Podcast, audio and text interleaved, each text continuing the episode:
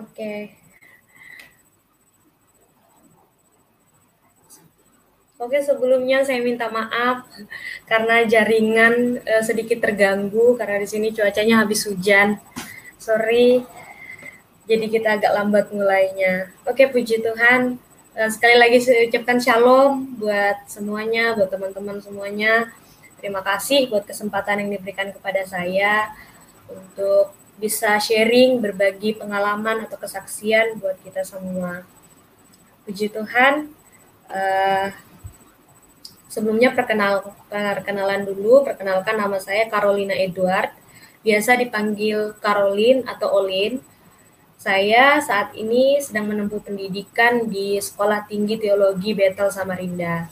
Dan sekarang sudah semester akhir dan masih berjuang untuk lulus untuk menyusun skripsi. Puji Tuhan, Uh, di sini saya akan sharing tentang kesaksian pengalaman hidup saya, terutama bagaimana juga saya sampai akhirnya saya bisa masuk ke sekolah teologi. Dan kalau mau kita bahas tentang kebaikan Tuhan di dalam kehidupan kita, tentu banyak banget ya uh, penyertaan Tuhan, kemurahan, kebaikannya di dalam kehidupan kita. Tapi pada sore hari ini sesuai tema yang saya berikan, di sini kita akan bahas tentang introvert yaitu di mana sebelumnya uh, saya adalah seorang yang bisa dikatakan introvert, sangat tertutup. Saya lahir dari keluarga uh, yang sudah mengenal Tuhan di dalam keluarga Kristen dari kecil. Papa mama saya semuanya Kristen. Namun uh, walaupun demikian, saya hidup di lingkungan yang bisa dikatakan waktu semasa kecil di lingkungan yang tidak sehat. Yaitu uh, mungkin kebanyakan orang tahu bagaimana uh, asal usul uh, orang Dayak seperti apa. Jadi saya hidup di kampung uh, di Kutai Barat di mana di sana masih sangat ketat masih sangat uh, fanatik dengan penyembahan berhala perjudian dan yang lain-lainnya. Pokoknya uh, yang masih menyangkut adat istiadat yang sangat sangat sangat ketat sekali. Dan saya hidup di lingkungan yang seperti itu. Dan uh, kebetulan nenek dan kakek saya juga orang yang memang belum percaya Tuhan. Di sana yang belum percaya Tuhan. Jadi waktu kecil walaupun papa mama saya uh, Kristen tapi nenek dan kakek saya belum mengenal Tuhan, masih percaya dengan hal-hal mistis, masih percaya dengan uh, apa ya bisa dikatakan uh, kepercayaan kepada nenek moyangnya kepada nenek moyangnya. Dan waktu saya masih kecil puji Tuhannya papa mama saya mendidik saya dengan uh, bisa dikatakan dengan baik. Walaupun kami hidup di lingkungan seperti itu tapi papa mama saya tidak mengizinkan kami untuk lebih jauh untuk lebih mengenal hal-hal yang seperti itu. Dan pengalaman saya dari saya kecil sendiri walaupun saya sebelumnya belum mengerti tentang hal-hal apa itu penyembahan berhala dan yang lain-lainnya saya memang sudah tidak tertarik tidak suka sama hal yang seperti ini. Dan memang eh, hal-hal yang seperti itu kalau untuk anak kecil tentunya kelihatan menakutkan ya jadi memang membuat saya tidak tertarik dan tidak suka. Jadi e, banyaklah pengalaman yang membuat akhirnya setelah saya lulus SD akhirnya saya melanjutkan pendidikan SMP dan saya memutuskan memutuskan untuk merantau. Untuk merata merantau tinggal jauh daripada orang tua saya saya ikut keluarga dan tinggal sama nenek dan kakek saya. Nah semenjak saya masuk ke SMP eh, kepribadian saya mulai berubah. Sebenarnya waktu saya SD saya terkenal dengan anak yang ceria yang nakal bisa dikatakan nakal ya. Suka ikut main sama laki-laki suka sering. Karena kebetulan waktu SD saya rumahnya berhadapan sama sekolah. Jadi sering bolos kadang sama teman-teman yang laki-laki juga. Bisa dikatakan nakal nakal. Tapi begitu waktu saya masuk SMP semuanya berubah drastis. Uh, waktu saya tinggal jauh dari orang tua saya tentunya yang membuat saya harus bisa menguasai diri, bisa menjaga diri sendiri karena nggak bisa sama orang tua lagi, jauh dari orang tua, dan akhirnya e, berubah. Bisa dikatakan ya saya tadi, yang bisa saya katakan, saya berubah menjadi introvert, lebih tertutup. Dan kebetulan saya juga tinggal sama nenek dan kakek saya yang terkenal orangnya sangat keras dalam mendidik, sangat keras, di, sangat disiplin lah bangun pagi harus jam 5, diajarkan berdoa, berdoa pagi, kita bareng-bareng bertiga, doa pagi. Tapi eh, namanya anak remaja ya, mungkin saat itu dengan hal-hal yang saya rasakan melalui tinggal sama orang, akhirnya saya tertekan, membuat saya tertekan karena sering di uh, disiplin sama nenek, sering di ya disiplinnya secara keras lah, secara keras. Jadi membuat saya kayak nggak mampu untuk menghadapi itu semua.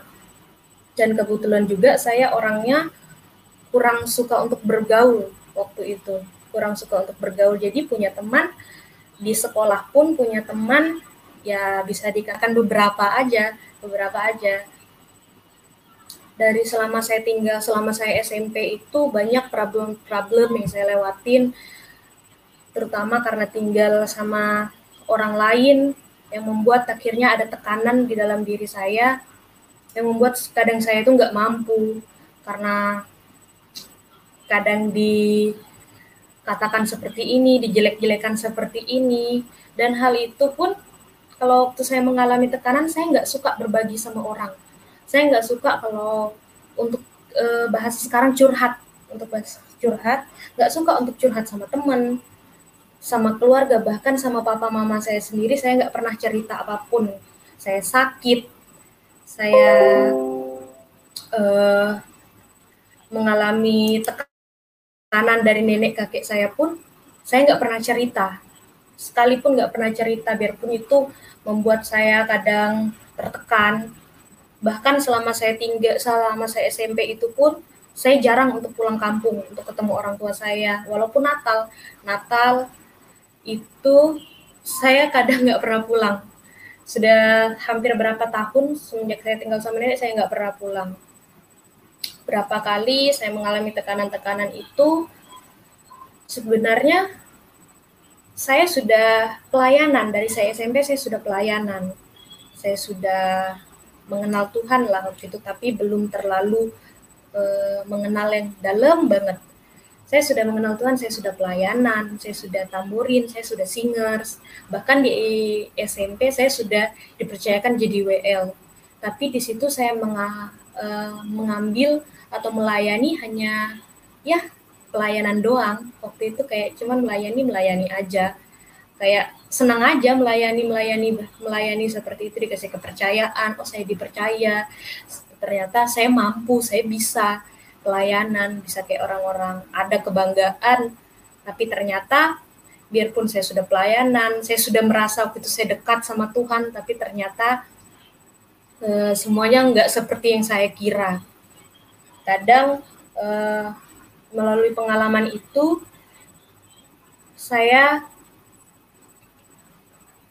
melalui tekanan-tekanan yang saya alami, saya nggak pernah cerita sama orang dan membuat saya menjadi semakin hari semakin tertutup.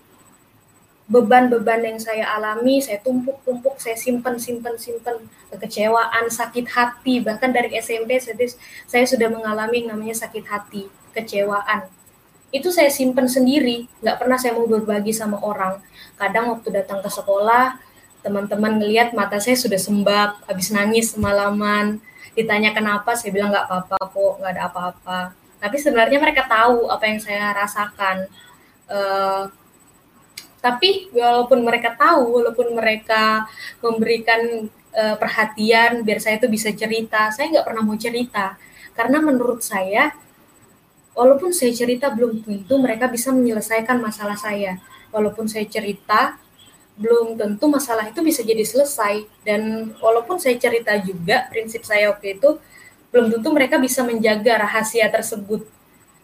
Ya walaupun saya cerita nggak bisa juga mungkin mereka bantu. Pikiran saya pada saat itu.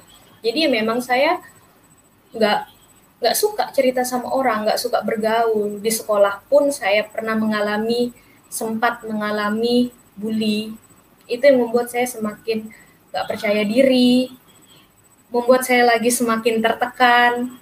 Tapi saya simpen sendiri, saya simpen tersendiri apa pun yang saya hadapin itu saya simpen sendiri. Sehingga akhirnya waktu lulus SMP dan masuk ke SMA saya harus karena masalah saya sama uh, keluarga sama nenek dan kakek ini akhirnya saya harus keluar dari rumah itu saya harus pindah dan pindahnya pun nggak jauh dari rumah nenek saya. Saya hanya pindah di samping di samping rumahnya doang. Dan tinggal sama mbah saya. Dan kebetulan mereka muslim. Saya pindah selama SMA dan walaupun saya sudah pindah. Tapi masalah itu ternyata tetap nggak selesai. Tetap nggak selesai. Dan saya juga punya kepahitan sama nenek nenek dan kakek saya. Ini nenek dan kakek kandung. Saya punya kepahitan. Akhirnya eh, setiap hari saya nggak tenang pelayanan saya nggak tenang. Akhirnya saya memutuskan untuk saya pindah gereja. Biar saya nggak ketemu lagi nih sama nenek sama kakek. Biar tenang. Waktu itu eh, pikiran saya seperti itu. Biar nggak usah lah biar nggak usah ketemu. Akhirnya saya pindah gereja. Dan waktu saya pindah gereja, ternyata nyaman. Saya menemukan kenyamanan, diterima, rasa diterima oleh teman-teman yang lain. Tapi itu pun nggak bertahan lama. Uh, waktu saya pindah gereja, saya sering ikut uh, kegiatan juga, ikut kegiatan gereja, ikut kegiatan-kegiatan uh, rohani lainnya di gereja tersebut. Tapi kenyamanan itu ternyata tidak bertahan lama di dalam diri saya.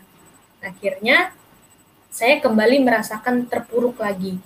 Merasakan kesepian, merasakan sakit hati itu masih tetap ada. Karena dari SMP perlakuan yang kasar, eh, omongan-omongan yang kasar itu sudah tertanam di dalam diri saya yang membuat saya mengingat selalu luka-luka itu. Mereka yang ngomong kasar, mereka yang uh, memperlakukan saya secara tidak baik, itu teringat semua. Jadi buat makin sakit hati, makin kecewa. Jadi sakit hati, kecewa itu terus jadi terus tertanam dalam diri saya semakin hari itu semakin bertumbuh. Bukan iman saya yang semakin bertumbuh pada saat itu, malahan kekecewaan, sakit hati itu yang malah semakin bertumbuh. Dan akhirnya eh, setelah saya melewati itu semua waktu kelas 3 SMA, kelas 3 SMA saya pernah karena tekanan-tekanan yang saya alami itu dan mungkin pada saat itu saya ada sudah berada di titik memang sudah nggak mampu, udah nggak sanggup ini. Waktu, sudah berapa kali saya pengen uh, melakukan percobaan bunuh diri. Waktu saya di kamar sendiri, saya nangis. Saya ngomong sama Tuhan, Tuhan, aku nggak kuat kayak gini aku nggak sanggup. Aku sudah melayani Tuhan loh. Aku sudah uh, pelayanan aku sudah baik. Nggak ada uh, selama ini aku buat kesalahan-kesalahan. Tapi kenapa aku diberikan cobaan seberat ini karena uh, yang buat saya berpikir seperti itu berat banget. Saya harus mengalami tekanan dari dalam, itu dari keluarga saya sendiri. Kalau istilahnya tekanan dari luar kayak dari teman-teman mungkin masalah pembulian dan yang lain-lain mungkin membuat it, e, nggak membuat saya sampai down banget. Tapi ini tekanan yang saya alami itu tekanan dari keluarga saya sendiri. Yang membuat sampai eh, berat banget Tuhan. Nggak sanggup sering kali nggak sanggup mau coba percobaan pertama tiba-tiba nggak berani gagal Percobaan kedua, nggak berani lagi gagal, sering banget protes sama Tuhan. Sering banget mempertanyakan, Tuhan ke mana sih? Tuhan nggak nolong aku. Karena waktu itu, waktu saya tinggal masih sama nenek saya, bukan hanya nenek nenek dan kakek saya yang membuat saya uh, kecewa, tapi ada beberapa orang yang tinggal di dalam rumah itu yang membuat saya kecewa. Yang saya harapkan mereka bisa membimbing saya, membantu saya. Tapi ternyata saya merasa waktu itu saya sendiri. saya sendiri. Nggak ada yang bisa bantu saya walaupun ada tetangga. Yang lain-lain tahulah gimana sifat nenek saya yang keras seperti itu. Dan yang membuat saya kecewa yaitu semua pada saat itu semuanya seolah-olah menghakimi saya. Kayak bilang kayak salahnya itu semua ada di pada saya. Pokoknya semua salah-salahnya itu ada pada saya. Dan itu yang membuat saya semakin tertekan semakin hari. Akhirnya karena tekanan-tekanan tersebut karena saya juga orang yang nggak suka berbagi nggak suka cerita nggak suka bergaul. Bahkan untuk kerja kelompok pun selama itu saya nggak pernah pergi untuk kumpul. Kayak anak-anak uh, remaja pada umumnya untuk kumpul-kumpul sama teman saya nggak pernah. Makanya bisa dilihat waktu foto-foto SMP saya bareng-bareng bareng teman-teman juga nggak ada. Waktu SMA itu pun hanya di sekolah. Untuk ikut kumpul-kumpul nggak pernah. Selain saya yang nggak suka, saya juga uh, dibatasi sama keluarga di rumah untuk nggak boleh pergi kayak gini. Pulang uh, pulang malam pun harus jam 9. Kalau jam 10 malam pintu sudah dikunci ya udah lu tidur di luar pokoknya. Karena saya pernah mengalami itu. Waktu itu padahal ibadah ikut ibadah pemuda, ibadah gabungan pemuda dan pulangnya lewat dari jam 10. Akhirnya saya dikunciin di luar dan itu membuat saya jadi sakit hati lagi, sakit hati. Pokoknya sakit hatinya itu semakin hari semakin bertambah karena kejadian-kejadian itu. Sampai akhirnya karena numpuk-numpuk-numpuk sakit hati itu, akhirnya saya melakukan percobaan bunuh diri. Dan akhirnya percobaan bunuh diri ini berhasil.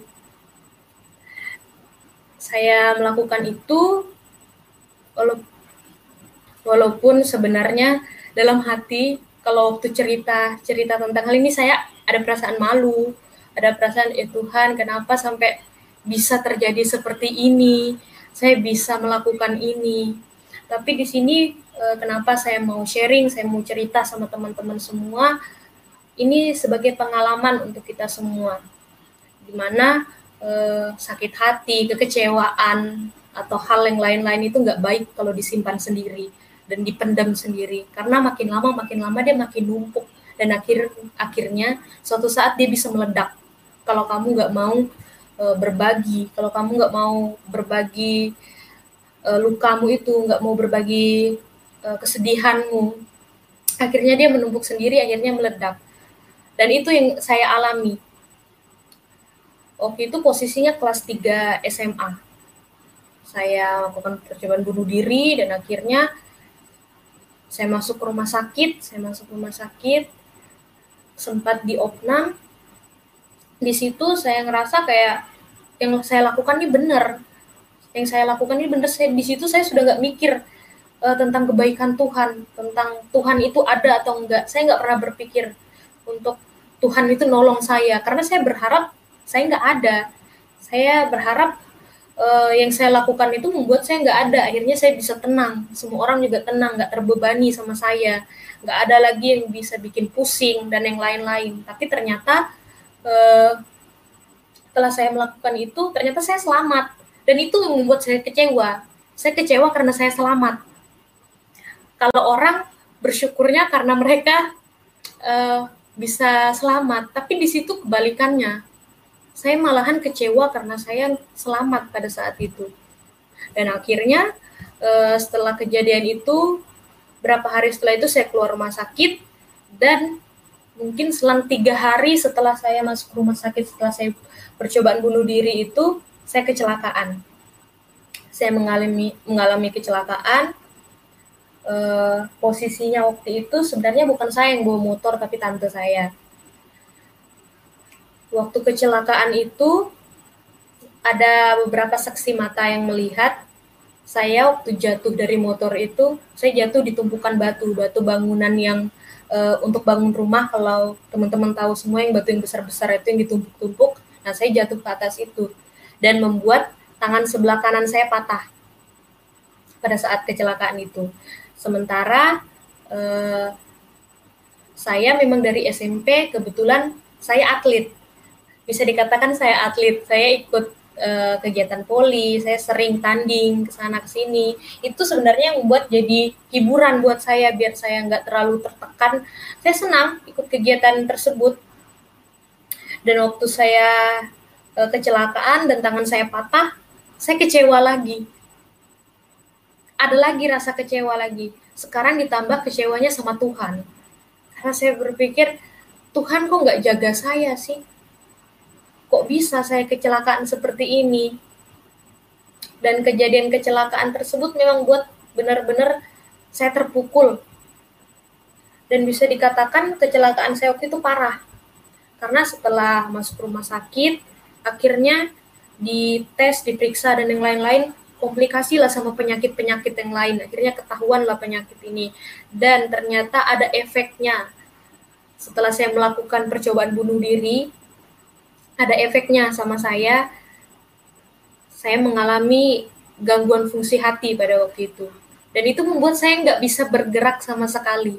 Saya cuma bisa baring di kasur rumah sakit, nggak bisa sama sekali bergerak, tangan patah, leher saya sudah dipasangkan apa ya namanya, yang untuk biar nggak gerak-gerak gitu lehernya dipasangkan itu, tangan juga sudah dipasangkan apalah itu namanya.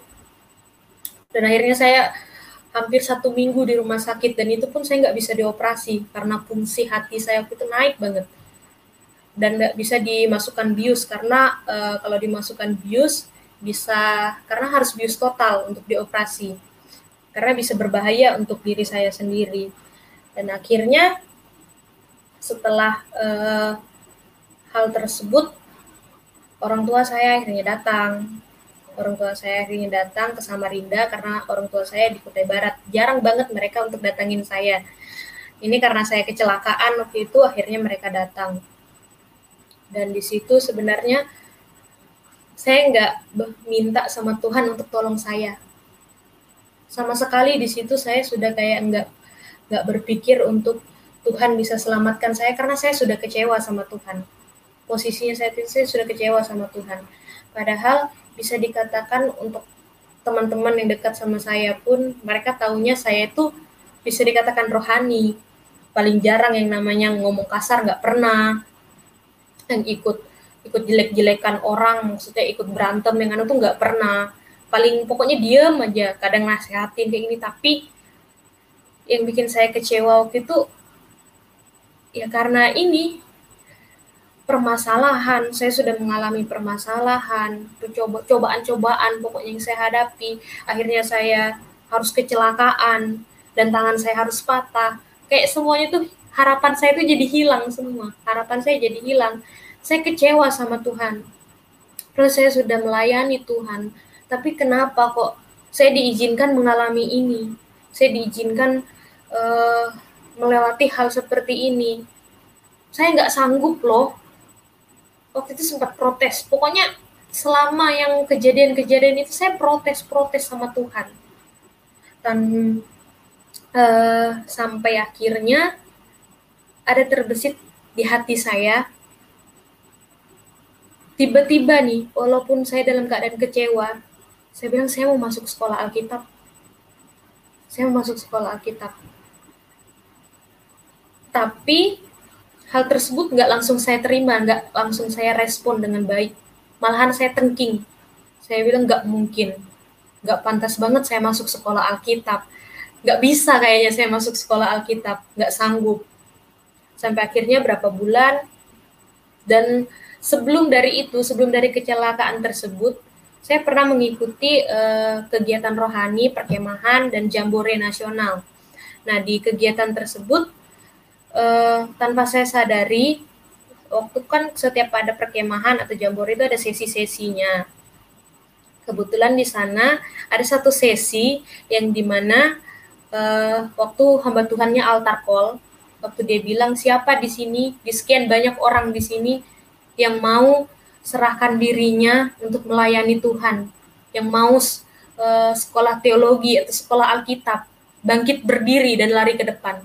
Dan tanpa uh, saya sadari saya refleks saya berdiri posisinya waktu itu uh, di seminar itu saya duduk paling depan. Sudah paling depan saya berdiri. Dan itu menjadi uh, apa ya langsung disorot semuanya walaupun memang banyak yang ada juga yang berdiri yang lainnya. Cuman bikin saya aneh begitu saya berdiri saya bingung. Olin kamu ngapain berdiri? Sempat saya mikir gitu kenapa kamu berdiri? Nggak mungkin. Saya sama sekali nggak ada niat untuk masuk sekolah teologi masuk sekolah Alkitab sebelumnya. Tapi yang saya bingungkan kenapa saya berdiri pada saat itu? Dan waktu itu posisinya mau duduk lagi nggak enak. Ya sudahlah lanjut aja berdiri aja. Dan memang sudah berapa kali saya mengalami hal tersebut. Kayak ngerasa pengen masuk sekolah Alkitab tapi selalu saya tengking selalu saya tengking. Sampai akhirnya di kecelakaan tersebut masih saya tengking juga. Saya masih nggak yakin. Sampai pada akhirnya eh, waktu kalau kelas 3 kan kita ngurus SNPTN dan yang lain-lainnya itu. Akhirnya saya nggak ada minat untuk masuk ke sekolah ke se, eh, ke perguruan tinggi yang lainnya. Dan sampai akhirnya saya memberanikan diri untuk ngomong ngomong sama eh, waktu itu saya punya kakak rohani punya kakak rohani, rohani akhirnya waktu SMA. Saya ngomong sama dia, saya cerita, padahal uh, seperti yang mereka tahu dan yang saya tahu sendiri juga, saya nggak suka cerita sama orang lain, nggak suka curhat, nggak suka sharing sama orang lain. Tapi akhirnya saya cerita sama kakak saya ini, kakak rohani saya ini. Saya bilang, kak, saya udah berapa kali ngerasain uh, panggilan kalau saya ini harus masuk sekolah Alkitab. Ada yang ngomong sama saya tapi saya nggak ngerti. Saya masih nggak paham maksudnya ini apakah ini memang dari Tuhan atau uh, hanya pemikiran saya aja. Hanya pemikiran saya. Akhirnya sharing-sharing terus dia yakinkan saya sampai dia bilang itu panggilan dari Tuhan kamu harus uh, mendengar panggilan tersebut kamu harus ambil panggilan tersebut kamu harus benar berdoa lagi kamu harus sungguh-sungguh Tuhan sudah pilih kamu untuk ini. Tapi saya masih nggak percaya. Sampai akhirnya saya merenung dan saya putuskan untuk ngomong sama orang tua saya. Pertama saya ngomong sama mama saya, saya bilang, Ma, Olin mau masuk sekolah Alkitab. Mama saya kaget dong. Nggak ada sama sekali eh, dari awal saya cerita saya mau masuk sekolah Alkitab karena cita-cita saya itu sebelumnya saya mau jadi pramugari, saya mau jadi dokter, saya mau jadi polisi, tapi semuanya gagal. Dan yang saya bicarakan sama mama saya, saya mau, mau masuk sekolah Alkitab. Tapi kata mama, kamu nggak mau pikir-pikir lagi kah? Mama ini sebenarnya berharap kamu masuk sekolah kesehatan. Dan akhirnya saya ngomong yuk sama, disuruh ngomong sama papa, dan saya ngomong sama papa saya, papa saya kaget. Dan saya ter, uh, setelah saya cerita itu, ternyata orang tua saya terutama papa saya tidak bisa dikatakan tidak merestui untuk saya masuk uh, sekolah Alkitab sampai papa saya bilang papa pikir papa kasih sekolah kalian tinggi tinggi ini ada yang mau jadi orang sukses ternyata malah mau jadi hamba Tuhan malah mau masuk sekolah Alkitab sampai orang lain juga yang bilang uh, keluarga ada keluarga orang-orang terdekat sampai mikir kamu mau sekolah Alkitab mau jadi apa Olin? Masa depanmu di mana kamu masuk sekolah itu? Saya sempat kecewa waktu dikatakan seperti itu. Sampai uh, akhirnya saya bilang, ya udah kalau memang nggak direstui saya nggak usah aja kuliah, saya kerja aja. Tapi papa saya nggak mau kalau saya kerja. Mereka maunya saya kuliah. Akhirnya mereka dengan berat hati dan dengan uh, rembukan dari keluarga-keluarga yang lain akhirnya saya masuk sekolah teologi dan di situ saya setengah hati juga masuk sekolah teologi karena jurusan yang saya ambil sebelum uh, yang saya mau itu sebenarnya saya mau ambil jurusan teologi tapi disarankan untuk masuk ambil jurusan pendidikan agama Kristen setengah hati juga tuh saya jalanin awal semester 1 semester 2 karena orang tua saya juga nggak setuju awalnya. Dan jurusan yang nggak sesuai sama yang saya mau. Sampai uh, semester semester ya masuk ke semester 3 akhirnya saya mulai nyaman. Akhirnya saya mulai nyaman walaupun belum nggak dap dapat restu dari orang tua seenggaknya diizinkan dulu lah untuk masuk walaupun mereka ya nggak begitu tertarik dengan yang saya tawarkan akhirnya saya masuk walaupun saya sudah masuk sekolah teologi pada saat itu, sebenarnya saya benar sebelum purenya saya belum pulih sama sekali. Masih ada kepahitan di dalam diri saya, masih ada dendam. Waktu itu saya uh, bisa saya katakan waktu itu saya dendam, saya kecewa, saya sakit hati sama nenek saya. Bahkan sama semua orang yang uh, menyakiti saya pada saat itu, yang membuat saya kecewa, sampai saya harus kecelakaan, saya harus bunuh diri. Itu semua karena mereka, itu yang membuat saya kecewa. Walaupun pada saat itu saya sudah masuk sekolah teologi, karena kadang pikiran orang kan kalau masuk sekolah teologi ah sempurna banget nih, sudah Tuhan banget nih, hamba Tuhan banget. Mereka nggak tahu sebenarnya di dalam sekolah teologi itu banyak jiwa-jiwa yang hancur sebenarnya. Yang rindu untuk dipulihkan dan begitu pun saya. Dan begitu pun saya pada pada akhirnya, puji Tuhan, eh, singkat cerita saya dipertemukan setelah uh, saya masuk sekolah teologi, saya dipertemukan pada satu komunitas. Komunitas namanya waktu itu sebelum sebelum itu namanya 180 derajat. Sekarang namanya diganti jadi discipleship meeting atau di Mers Borneo. Saya gabung ke komunitas tersebut diajak sama teman awalnya. Diajak sama teman. Waktu saya gabung sama komunitas tersebut ya udah kayak gabung-gabung aja komunitas rohani kan ya. Biar mungkin tambah pengalaman tambah teman juga biar saya bisa bergaul juga. Tapi e, di dalam komunitas ini ternyata saya menemukan hati saya di situ saya menemukan ada suatu hal yang beda di dalam komunitas tersebut. Di mana saya orang yang dulunya tertutup, dulunya sangat pendiam, dan teman-teman saya juga yang kenal saya tahu saya itu pendiam. Bahkan Olin yang dulu nggak bisa nih ngomong seperti ini di depan kamera, di depan orang-orang mau kesaksian, kayak nggak bisa ngomong, nggak akan mau untuk ngomong. Tapi itu setelah saya menemukan komunitas ini, di sinilah saya berubah. Bukan karena saya bilang bukan karena pure karena komunitasnya tapi tentunya ada uh, karya Tuhan lah di dalamnya yang membuat saya akhirnya bisa berubah. Awalnya saya masuk komunitas itu di komunitas tersebut ada yang namanya sharing.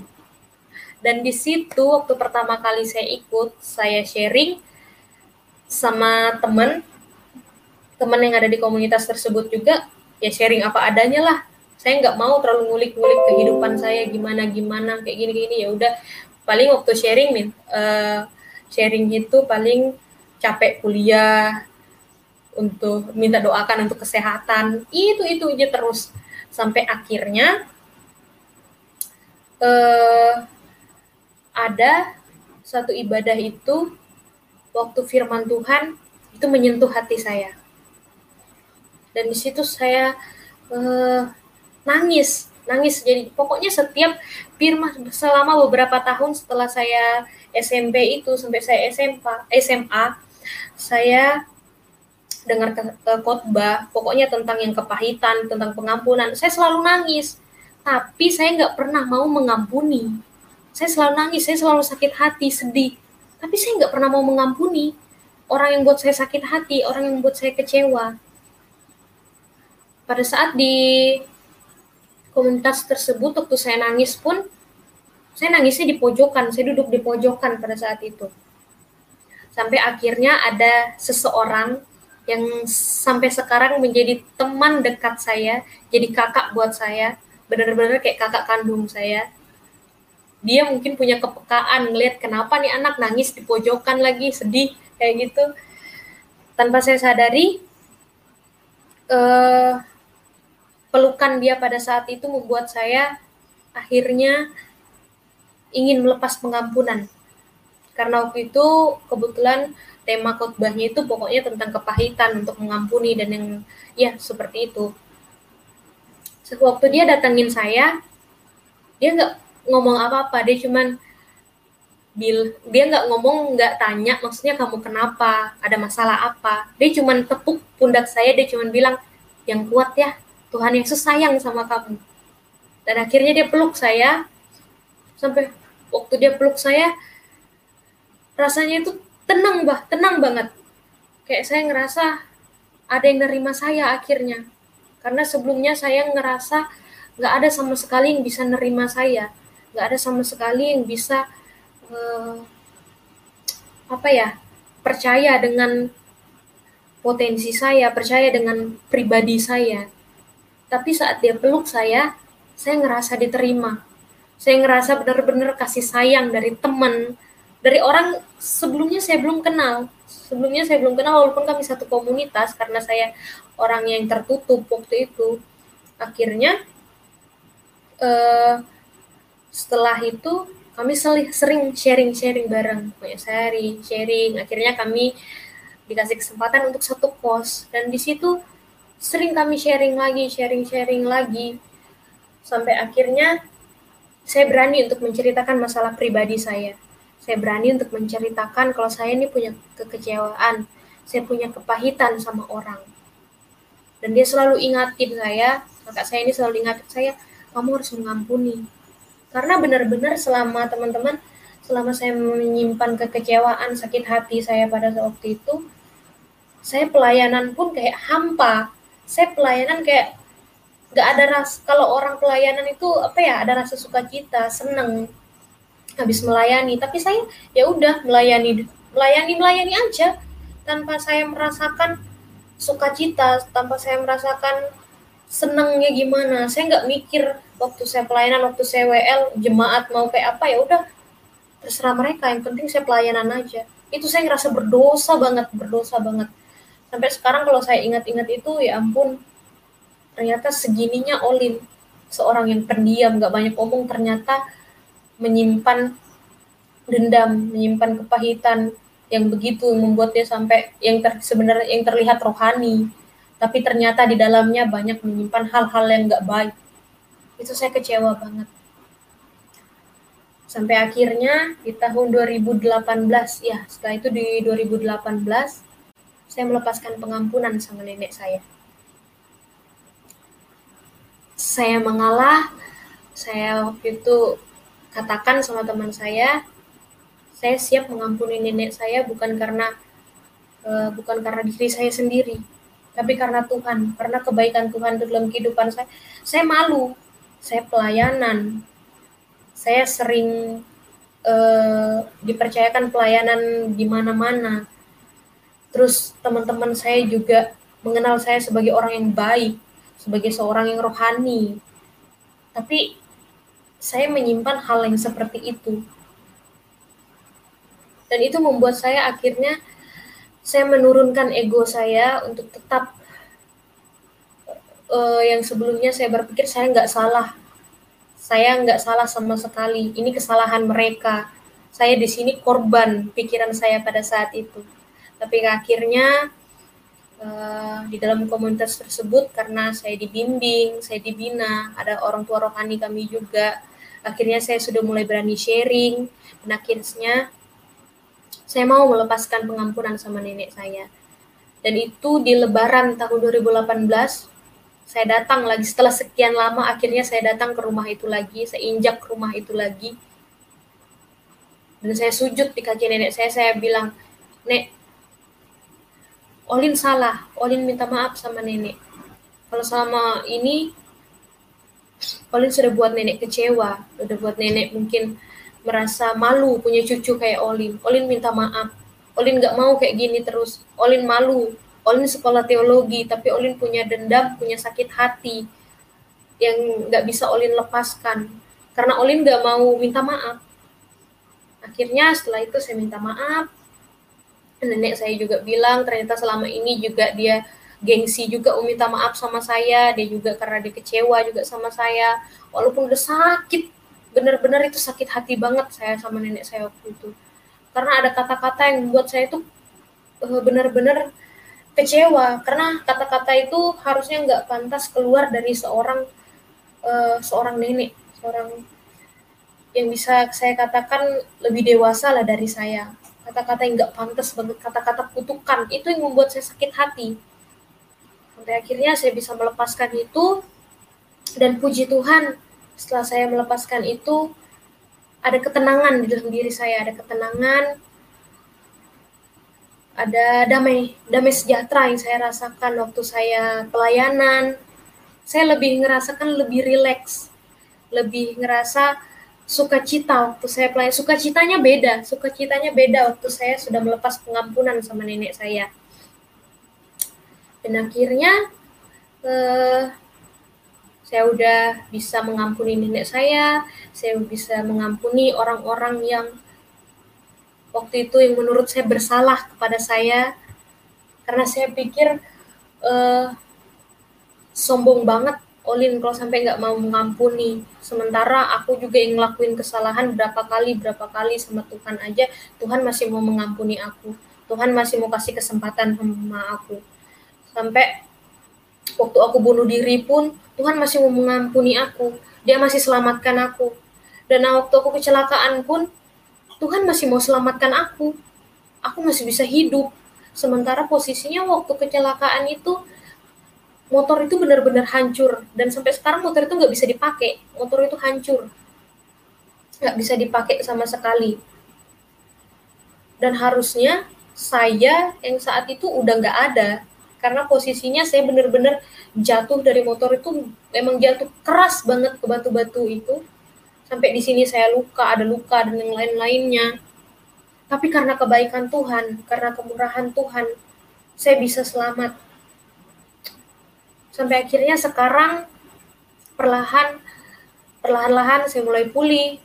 Sampai sekarang pun hubungan saya sama keluarga jadi baik, jadi nggak canggung kayak dulu, nggak ada benci-bencian lagi, dan semuanya kami bisa tenang. Mama papa saya juga tenang ngelihat saya sudah baikan sama nenek, sama keluarga yang lain.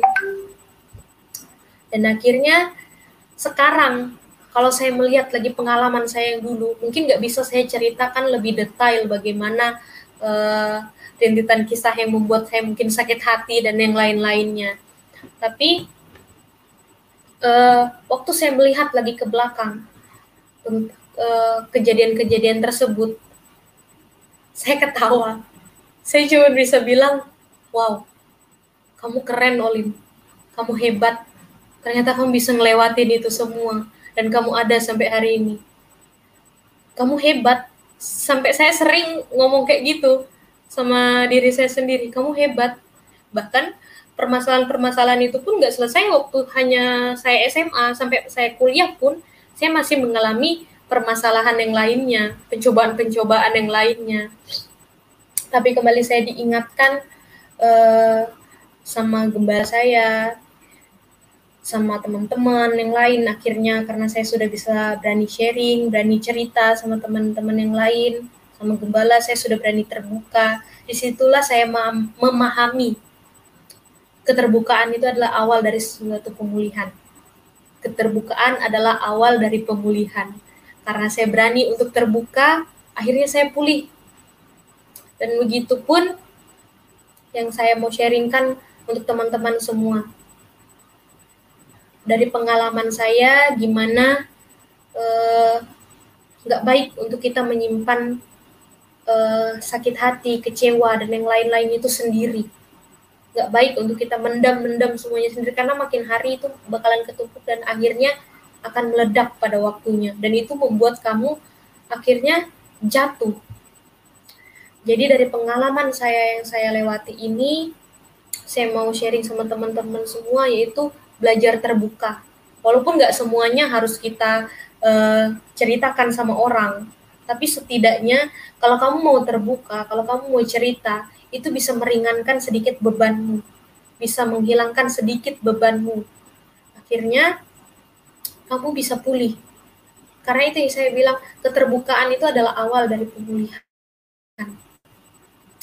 berani terbuka dan akhirnya kamu bisa dipulihkan. Dan puji Tuhan saya ada sampai sekarang, saya bisa uh, sama-sama teman-teman semua bisa sharing ini semua, itu semua karena kebaikan Tuhan. Saya sadar saya nggak sempurna, saya sadar saya nggak sempurna, tapi uh, melalui ketidaksempurnaan saya itu itu bukan menjadi alasan untuk saya nggak bisa jadi berkat, untuk saya nggak bisa jadi teladan. ketidaksempurnaan saya itu bukan alasan untuk saya tidak bisa melayani Tuhan. Saya percaya kita semua di sini pasti punya pengalaman yang berbeda-beda. Mungkin pengalaman yang saya lewati tidak sama seperti pengalaman teman-teman yang lain. Mungkin yang saya rasa berat, yang saya alami berat, mungkin teman-teman yang lain pernah mengalami hal yang lebih berat lagi daripada saya. Tapi setiap orang memang punya pengalamannya masing-masing. Tapi itu kembali lagi kemampuan setiap orang juga tidak sama. Kemampuan setiap orang untuk melewati setiap proses di dalam hidupnya juga tidak sama.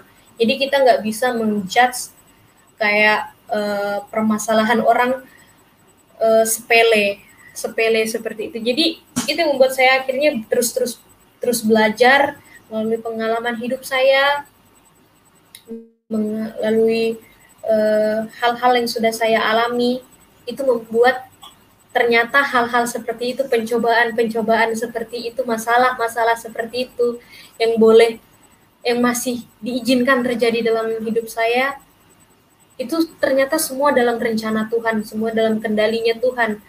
Karena Tuhan izinkan saya mengalami pencobaan tersebut membuat saya semakin hari semakin naik level. Saya udah bisa nih ngelewatin yang kemarin. Mungkin di depan nanti ada lagi nih permasalahan yang nggak mungkin yang mungkin saya nggak tahu ini apa. Tapi saya belajar melalui permasalahan tersebut itu nggak membuat saya menjadi down menjadi turun. Tapi permasalahan tersebut membuat saya naik level. Naik levelnya Tuhan. Dan puji Tuhan eh, ini menjadi sharing atau kesaksian saya. Dan ada juga yang menjadi yang menjadi kekuatan saya selama ini, yang menjadi pegangan saya selama ini uh, ayat mas yang saya tanamkan yang selalu saya ingat kalau saya masih saya kecewa tiba-tiba saya kecewa saya drop.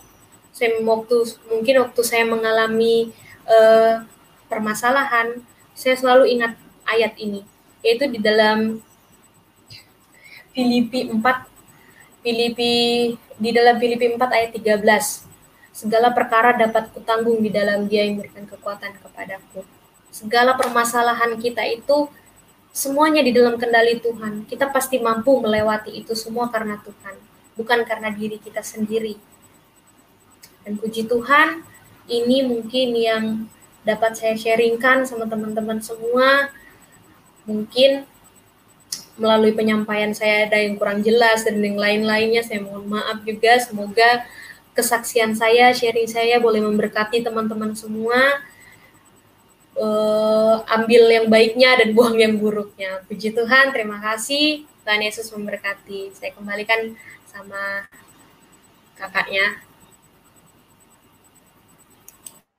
Woi, luar biasa kesaksiannya Olin, keren sekali. Perjalanan hidupnya itu, kalau menurut saya itu berat sekali sih. Baik itu berat di luar maupun dalam hati. Ya ini saya mau bertanya sih, keren sekali dulu kan Olin sharing tadi pernah bilang bahwa nggak pernah kumpul-kumpul sama teman atau yang lain. Nah ini sama bertanya, pernah nggak Olin ketika nggak kumpul-kumpul itu merasa lonely atau sendiri, merasa kesendirian, kekosongan dalam diri. Olin dalam hati, pernah nggak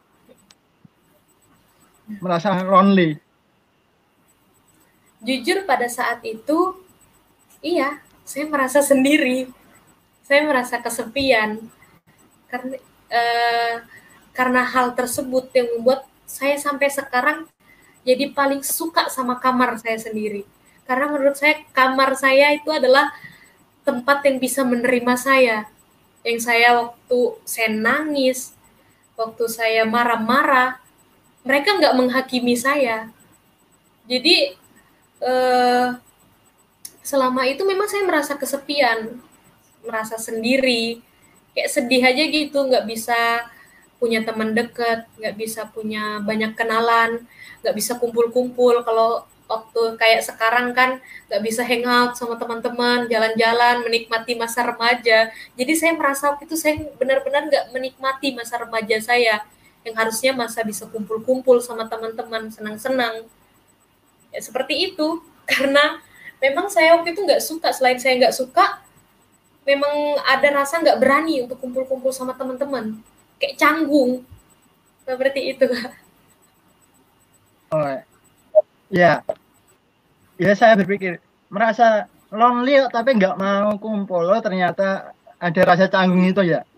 Rasa malu takut dan lain sebagainya. Oke. Ya ini saya mau bertanya lagi sih. Ketika dulu Olin mengalami kepahitan sama nenek dan akhirnya sudah apa ya ada yang namanya rekonsiliasi. Ya setelah rekonsiliasi itu apa yang dirasakan dan apa dampaknya untuk sekarang bagi Olin? Terima kasih. Oke terima kasih kak. Puji Tuhan setelah saya uh, akhirnya melepas pengampunan akhirnya saya bisa berdamai.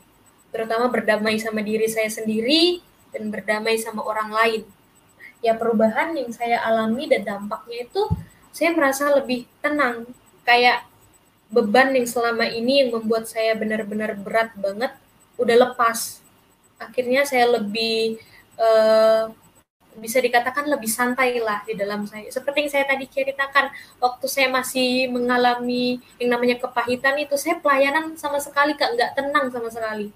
Saya benar-benar pelayanan ya udah pelayanan aja. Waktu itu kayak mengandalkan kekuatan saya sendiri, kayak berpikir saya hebat, bisa dipercaya orang untuk pelayanan. Dari SMP saya sudah dikasih kesempatan untuk pelayanan. Saya berpikir ya saya yang hebat, tapi selama saya pelayanan itu hampa. Tapi beda setelah saya melepaskan pengampunan tersebut, saya lebih tenang. Saya merasa ada damai sejahtera dan pelayanan saya juga jadi nggak terbebani. Waktu saya melayani, saya nggak ada ngerasa ada beban nih, ada kesalahan. Pokoknya waktu itu sebelum sebelum apa?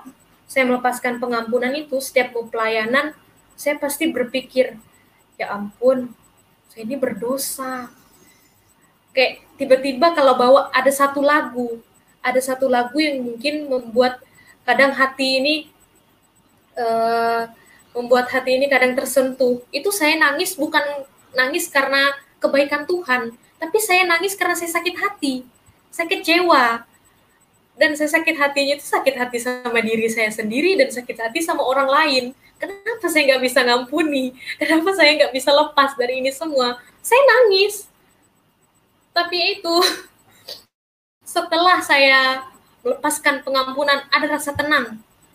Kalau kata orang kan e, kalau kita mengalami kepahitan sama orang sedang melihat orang itu ketawa melihat orang itu bernapas sekalipun kita sakit hati kita nggak tenang kayak gitu. Tapi sekarang puji Tuhan yang saya alami saya bisa mengalami ketenangan lebih lepas kayak nggak ada beban lagi gitu kak. Dan dampaknya ya puji Tuhan membuat saya lebih dewasa. Akhirnya membuat saya lebih dewasa dan saya bisa uh, seperti ini saya bisa bercerita saya bisa sharing. Yang dulunya saya nggak suka ngobrol sama orang. Yang dulunya saya paling takut yang namanya sharing takut dihakimi takut dibilang e, begini begitu. Paling takut. Dan saya tuh paling menghindari yang namanya cari masalah. Paling menghindari ada masalah sama orang lain. Jadi saya tuh selalu berada di zona nyaman saya. Yang aman-aman aja. Ini nggak bakalan buat jadi ada masalah. Saya selalu seperti itu makanya saya nggak suka buat ikut-ikut apa uh, jelek-jelekan yang seperti ini. Karena saya nggak mau saya takut nanti kejelekan saya juga diungkit kejelekan saya juga nanti diceritakan. Itu buat saya jadi kayak tertutup. Jadi saya cerita ya udah cerita sama diri sendiri. Kalau dulu begitu.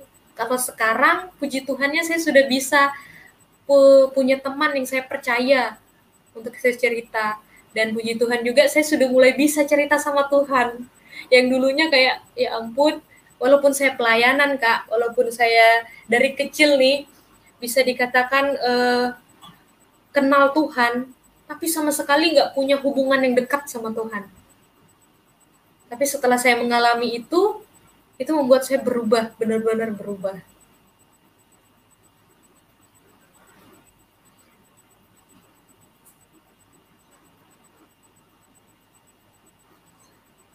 Puji Tuhan. Di unmute dulu Kak John. Udah, tadi kamu pencet ya. Oke. Eh bentar, bentar, bentar. tadi ketika kamu mengalami rekonsiliasi sama nenek yang kamu alami itu tidak hanya sekedar happy tapi enjoy bukannya itu juga kamu memiliki suatu perubahan yang baik lebih dewasa bahkan ya bisa memiliki namanya keberanian untuk menjadi saksi Tuhan khususnya. Bisa menjadi berkat bagi orang-orang kamu jumpai. Ya ini ada pertanyaan lagi. Apa yang kamu lakukan dalam proses menuju berubah atau menuju dalam proses pertobatan? Apa yang kamu lakukan? Tindakan kamu apa untuk menuju berubah itu sehingga kamu benar-benar mengalami proses pertobatan yang sesungguhnya. Terima kasih. Oke, puji Tuhan. Terima kasih, Kak, pertanyaannya. Ya, selama itu, selama yang eh, proses untuk saya bisa berubah, untuk saya bisa mengalami benar-benar kebaikan Tuhan dalam kehidupan saya, saya belajar mendekatkan diri saya lebih lagi sama Tuhan yang dulunya memang kenal Tuhan tapi nggak deket tapi sekarang saya mencoba untuk saya mengenal Tuhan dan saya mau dekat sama Tuhan itu eh, melalui saya sering awalnya awal yang membuat saya sering eh, dekat sama Tuhan itu saya sering praise and worship. Karena praise and worship itu bisa di mana pun dan di saat apa pun. Nyanyi-nyanyi itu membuat saya tenang. Karena memang dari dulu dari saya kecil juga mama saya itu uh, memang tidak rohani walaupun lagu-lagu rohani yang kami dengar tetap juga anak-anak yang pernah ngelakuin kesalahan dan yang lain-lainnya seperti itu dan memang uh, dari didikan yang mama saya kasih itu membuat saya akhirnya lebih tenang kalau saya di lagu rohani. Jadi banyak banyak lagu-lagu rohani yang saya saya dengarkan. Habis itu saya belajar akhirnya belajar berkomitmen untuk baca Alkitab. Walaupun awal sulit banget, ya ampun. Uh, saya suka baca, saya suka baca. Untuk baca novel saya suka, tapi untuk baca Alkitab untuk baca Alkitab itu kayak ya ampun berat banget untuk baca satu pasal itu mungkin dibutuhkan niat satu hari untuk baca satu pasal itu tapi puji Tuhan akhirnya saya ngambil komitmen saya mau baca Alkitab uh, saya join di grup, grup uh, gereja ya satu harinya kami dikasih target itu untuk baca tiga pasal dalam satu hari. Dan puji Tuhan itu awalnya saya lakukan dengan kesulitan sampai sekarang saya tingkatkan untuk ayo rajin baca Alkitab, ayo rajin baca Alkitab. Dan tentunya dengan doa. Karena yang tadi saya sempat, sem, belum sempat ceritakan saya pernah waktu saya ngalamin uh, masih ngalamin itu tadi sakit hati kecewa itu saya berdoa dan waktu saya berdoa itu saya ngerasa uh, kayak deket banget sama Tuhan. Untuk kali pertama itu saya ngerasa saya benar-benar kayak dapat pelukan. Saya mendapat uh, rasa pelukan seorang bapak karena sempat waktu itu juga tadi belum sempat saya sharing kan saya juga sama papa saya sendiri. Saya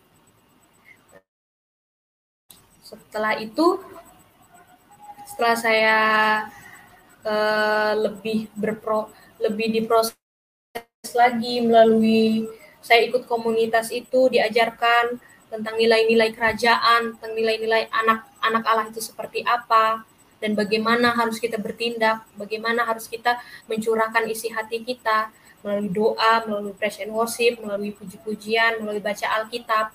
Dan akhirnya saya berdoa, dan itu untuk pertama kalinya saya benar-benar merasakan doa itu tenang banget. Dan saya benar-benar ngerasa disayang. Seperti saya tadi katakan, saya bisa akhirnya sharing karena ada kakak yang saya sekarang kakak uh, yang saya anggap jadi kakak saya sekarang karena dia tanpa dia banyak ungkapkan kata-kata, dia hanya peluk saya, dia hanya peluk saya itu membuat saya tenang. Dan akhirnya saya bisa terbuka sama dia. Dan akhirnya saya bisa pulih.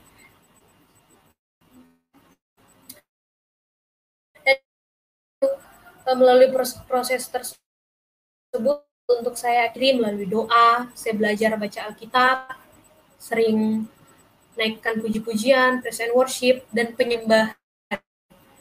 Dan saya pernah bangun, saya mulai membangun penyembahan ini waktu saya satu kos sama kakak saya Tina. Waktu saya kebetulan dia bisa main musik. Jadi saya nggak tahu kenapa saya menemukan koneksi saya sama dia. Terkonek aja kayak gitu.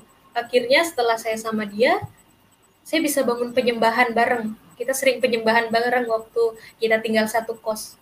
Dan itu yang saya lewati untuk akhirnya saya benar-benar yakin untuk saya bisa uh, melepas pekan pengampunan untuk akhirnya bisa kan saya bertobat dari masa lalu saya yang ya seperti itu dan begitu sih kak Oke, terima kasih atas sharingnya Olin. Ini ada pertanyaan dari teman kita yang menyaksikan, saya tampilkan. Oke. Saya mau bertanya bagaimana saudari Olin memandang kasih Tuhan di tengah-tengah sikon paling down. Memandang Tuhan di tengah-tengah sikon paling down. Nah, uh, terima kasih sudah bertanya atas pertanyaannya. Di posisi saya paling down, bagaimana cara saya bisa memandang kasih Tuhan? Yaitu melalui puji-pujian. Waktu saya ngerasa saya down, saya ngerasa saya lemah banget waktu itu dan sampai sekarang kadang kalau saya down, saya sering dengar uh, lagu-lagu rohani dan penyembah penyembahan. Dan yang sering saya dengarkan itu uh, penyembahan dari Yesus Yesus Abraham. Saya suka banget. Saya suka sama penyembahannya dia. Dan itu membuat saya akhirnya tenang. Akhirnya saya mengingat tentang kasih Tuhan, tentang kebaikan Tuhan.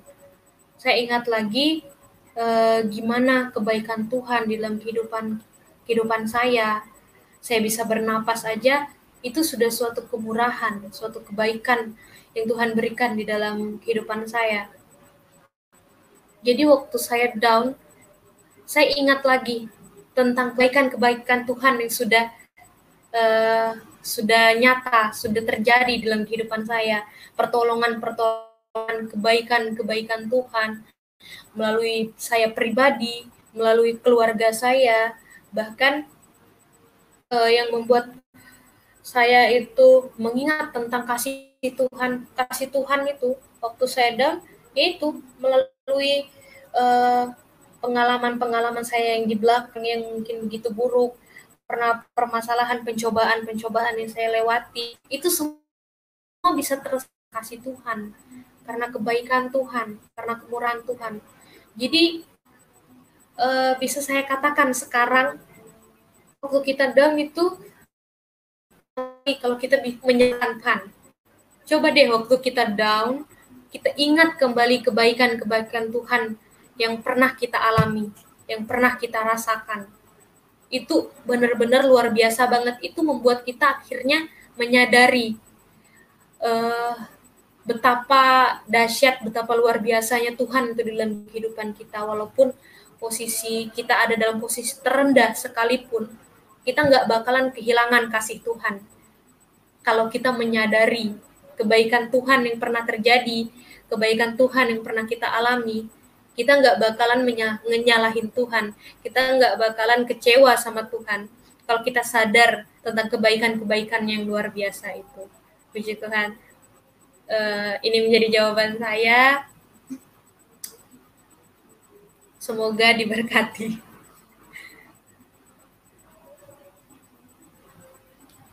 Oke, terima kasih Olin atas jawabannya. Mungkin ini ada pertanyaan dari Roy gantian. Roy udah nggak sabaran bertanya. Saya kasih Oke. waktu untuk Roy. silakan. Ya, terima kasih ya buat kesaksian dari Olin ini ya memberkati kita sekali ya. Uh, sedikit ya berbicara ya sebenarnya kita juga belum saling kenal juga kan gitu. Kebenar kebetulan kemarin waktu aku waktu buka TikTok tuh lagi scroll scroll TikTok terus kebetulan lewat kan yang lewat itu kalau nggak salah yang pakai baju teologi kalau nggak salah kan yang yang soundnya percuma ganteng eh percuma cantik ya kalau nggak pernah pacaran sama anak teologi. Nah, karena aku kan uh, makanya langsung aku chat sih, tapi aku aku lihat-lihat dulu kan ke bawah, aku scroll, oh ternyata kan sekolah teologi, makanya kan aku chat. Sebenarnya udah lumayan lama ya, cuman kita baru baru bisa sekarang sih, udah lama sih kontaknya dari uh, TikTok kan. Kebetulan aku buat TikTok itu sengaja sih buat jadi berkat juga kan bagi bagikan renungan, terus uh, siapa tahu ada orang yang mau kesaksian kan gitu. Nah kebetulan memang Olin langsung kasih nomornya, ya udah kita komunikasi, ya puji Tuhan bagus sekali sih kesaksiannya. Jadi hmm, memberkati kita semua nih apalagi kita anak-anak muda khususnya uh, kalau masalah kepahitan ya itu semua pasti nggak mudah apalagi cewek cewek kan itu kan bawa perasaan kan dia kan pakai hati kan nggak kayak cowok kan cowok pakai logika kan kebanyakan kan gitu. nah karena di firman Tuhan juga kan udah dibilang di Amsal 4 ayat 23 kalau nggak salah. Jagalah hatimu dengan segala kewaspadaan karena itu terpancar kehidupan. Nah jadi memang ketika seseorang itu mengalami kepahitan kan di dalam hati itu numpuk semua kan. Maka akan kelihatan di situ maka terpancar di situ kehidupan. Jadi seperti yang dibilang Olin tadi sih benar juga sih. Biarpun kita udah sekolah teologi udah rajin pelayanan tapi kalau kita masih simpan kepahitan sama aja loh pelayanan kita itu nggak berkenan sama Tuhan kan gitu. Karena kita belum lepaskan pengampunan kita masih tanam kepahitan di sini kita tanam terus akar kepahitan. Lama-lama kan makin makin lama-lama makin besar makin besar. Karena kita tanam kan gitu. Nah, tapi ketika kita sudah mm, melepaskan pengampunan kita sudah lega pasti walaupun pelayanan kita nggak nggak ada apa-apanya tapi kita lega gitu loh untuk melakukannya. Makanya sekalipun kita pelayanan di atas mimbar mungkin kita luar biasa ketika kita khotbah gitu tapi orang banyak yang terberkati bahkan sampai rebah-rebah tapi kalau kita sendiri uh, belum melepaskan pengampunan nggak ada keterbukaan sama Tuhan kan gitu. Jadi itu sia-sia aja sebenarnya kan gitu. Itu cuma dilihat manusia dipandang manusia luar biasa kan gitu. Tapi mereka nggak tahu di dalam hati kita kan gitu. Jadi sebenarnya kita juga anak-anak muda ya harus belajar sih. Memang nggak mudah. Karena anak-anak muda ini kan egois toh terus juga gengsi. Namanya juga anak muda kan mana mau minta maaf di luar kan gitu. Biar mereka dulu minta maaf kan gitu. Tapi nah, kalau kita sudah kenal Tuhan kan kita belajar. Makanya ya hmm, bagus sih. Jadi contoh buat kita semua yang nonton mungkin ah ini jadi apa namanya jadi pelajaran juga buat kita jadi yang sebenarnya keterbukaan itu awal dari pemulihan kan gitu karena kalau kita nggak mau terbuka kita gimana mau dipulihkan kan gitu kalau kita nggak terbuka sama Tuhan, gimana kita mau dipulihkan sama Tuhan? Jadi kita harus terbuka, lepaskan pengampunan. Karena kan di Alkitab sendiri juga udah dibilang kok berapa kali kamu mengampuni kan gitu. Itu artinya kan 77 kali 7 kali. Artinya kan ibaratnya kayak tak terhingga kan gitu. Artinya kan setiap hari kita kalau ada orang salah bisa kita ampuni. Makanya uh, contohnya aja lebih gampang sih sebenarnya. Kita memang contoh teladan kita Yesus itu sudah sangat luar biasa kan gitu. Dia sudah kasih teladan. Bahkan orang yang salibkan dia aja dia masih bisa ampuni. Saat itu juga kan gitu. Kita kita memang nggak mudah lah. Mungkin bisa sebulan bisa seminggu kan. Namanya kita juga uh, masih manusia kan manusia biasa. Kadang seminggu sebulan bisa. Tapi jangan sampai bertahun-tahun itu karena kalau sampai bertahun-tahun itu akar kepahitan itu terus tumbuh kan gitu. Bahkan makan bahkan akan timbul dendam gitu dendam. Pengennya kalau jumpa orang ini pengennya baku hantam atau kayak gimana kan gitu. Apalagi kalau sama sama kita anak muda ya kan kalau udah dendam sekali kan oh tengok nanti kalau jumpa gitu pasti gini-gini. Terus kita doakan yang kurang baik sama dia kan gitu. Tapi ya puji Tuhan karena kita sudah punya teladan sendiri kan gitu. Bahkan Yesus juga sudah bilang waktu dia mau disalib bahkan orang yang menyalibkan dia dia bilang ampunilah mereka kan gitu sementara kita kadang sakit hati menyimpan menyimpan akar kepahitan kebanyakan sama keluarga atau mungkin orang yang kita kenal tuh kebanyakan kita kan orang yang kita kenal karena mungkin uh, buat kita kecewa mungkin dia kalau anak muda nekong kita kan gitu ditikung di luar atau gimana caranya. Terus mungkin kalau keluarga kita mereka uh, buat sakit hati kita terus nggak nggak perhatiin kita. Kan kebanyakan dari yang kita kenal kebanyakan. Tapi kita justru di situ kita susah untuk mengampuni. Jadi yang dari sekarang kita belajar nih nah ini uh, saya mau tanya nih sama Olin. Olin itu dari tahun berapa sih udah masuk STT saya masuk ke STT begitu lulus SMA 2017 oh. nah itu kenapa sih kamu kok kok bisa langsung tiba-tiba maksudnya terima masuk STT maksudnya kan bisa dulu tunggu toh maksudnya tunggu pemulihan dulu. Sementara kamu di situ belum pemulihan kan? Masuk STT udah belum? Belum ah. Kenapa sih? Kenapa kok bisa uh, termotivasi masuk STT sementara kamu aja masuknya belum lega gitu masih ada simpan akar kepahitan? Oke. Okay. nah waktu itu alasan saya gimana sampai bisa akhirnya masuk STT karena uh, karena seperti saya bilang tadi awalnya saya tuh pengen sekolah Alkitab. Kalau kita tahu semuanya kalau GPDI ya eh, GPDI pasti sekolah Alkitab kan. Dan di situ nggak tahu kenapa saya pengen masuk sekolah Alkitab. Setelah saya mungkin uh, sedikit meresponi uh, panggilan ya sedikit meresponi panggilan tersebut. Saya pengen saya pengen masuk sekolah Alkitab itu bukan karena saya pengen jadi hamba Tuhan saya bukan maksudnya jadi pendeta bukan. Saya nggak bermi maksudnya pada saat itu saya nggak berminat sama sekali. Saya nggak punya eh, cita-cita uh, atau apa untuk jadi pendeta. Sama sekali nggak. Waktu itu saya pengen masuk sekolah Alkitab itu ya nggak tahu. Saya pun nggak tahu alasannya itu kenapa. Tiba-tiba waktu lulus SMA itu saya nggak kepikiran untuk masuk universitas. Padahal itu pun saya sudah daftar. Didaftarkan dari sekolah untuk masuk perguruan tinggi. Dan itu uh, waktu saya disuruh tetap disuruh daftar ya udah saya jalani Eh, setengah hati karena saya memang nggak tertarik sama jurusan yang lain pun. Saya sudah nggak tertarik lagi. Di pikiran saya pada saat itu saya mau masuk sekolah Alkitab. Aku mau masuk sekolah Alkitab itu aja. Dan alasannya pun saya nggak tahu itu apa. Tapi eh, ternyata saya tidak mendapat restu dari orang tua untuk masuk sekolah Alkitab. Dan akhirnya dikasih solusi sama keluarga saya untuk masuk sekolah teologi dan mengambil jurusan pendidikan guru agama.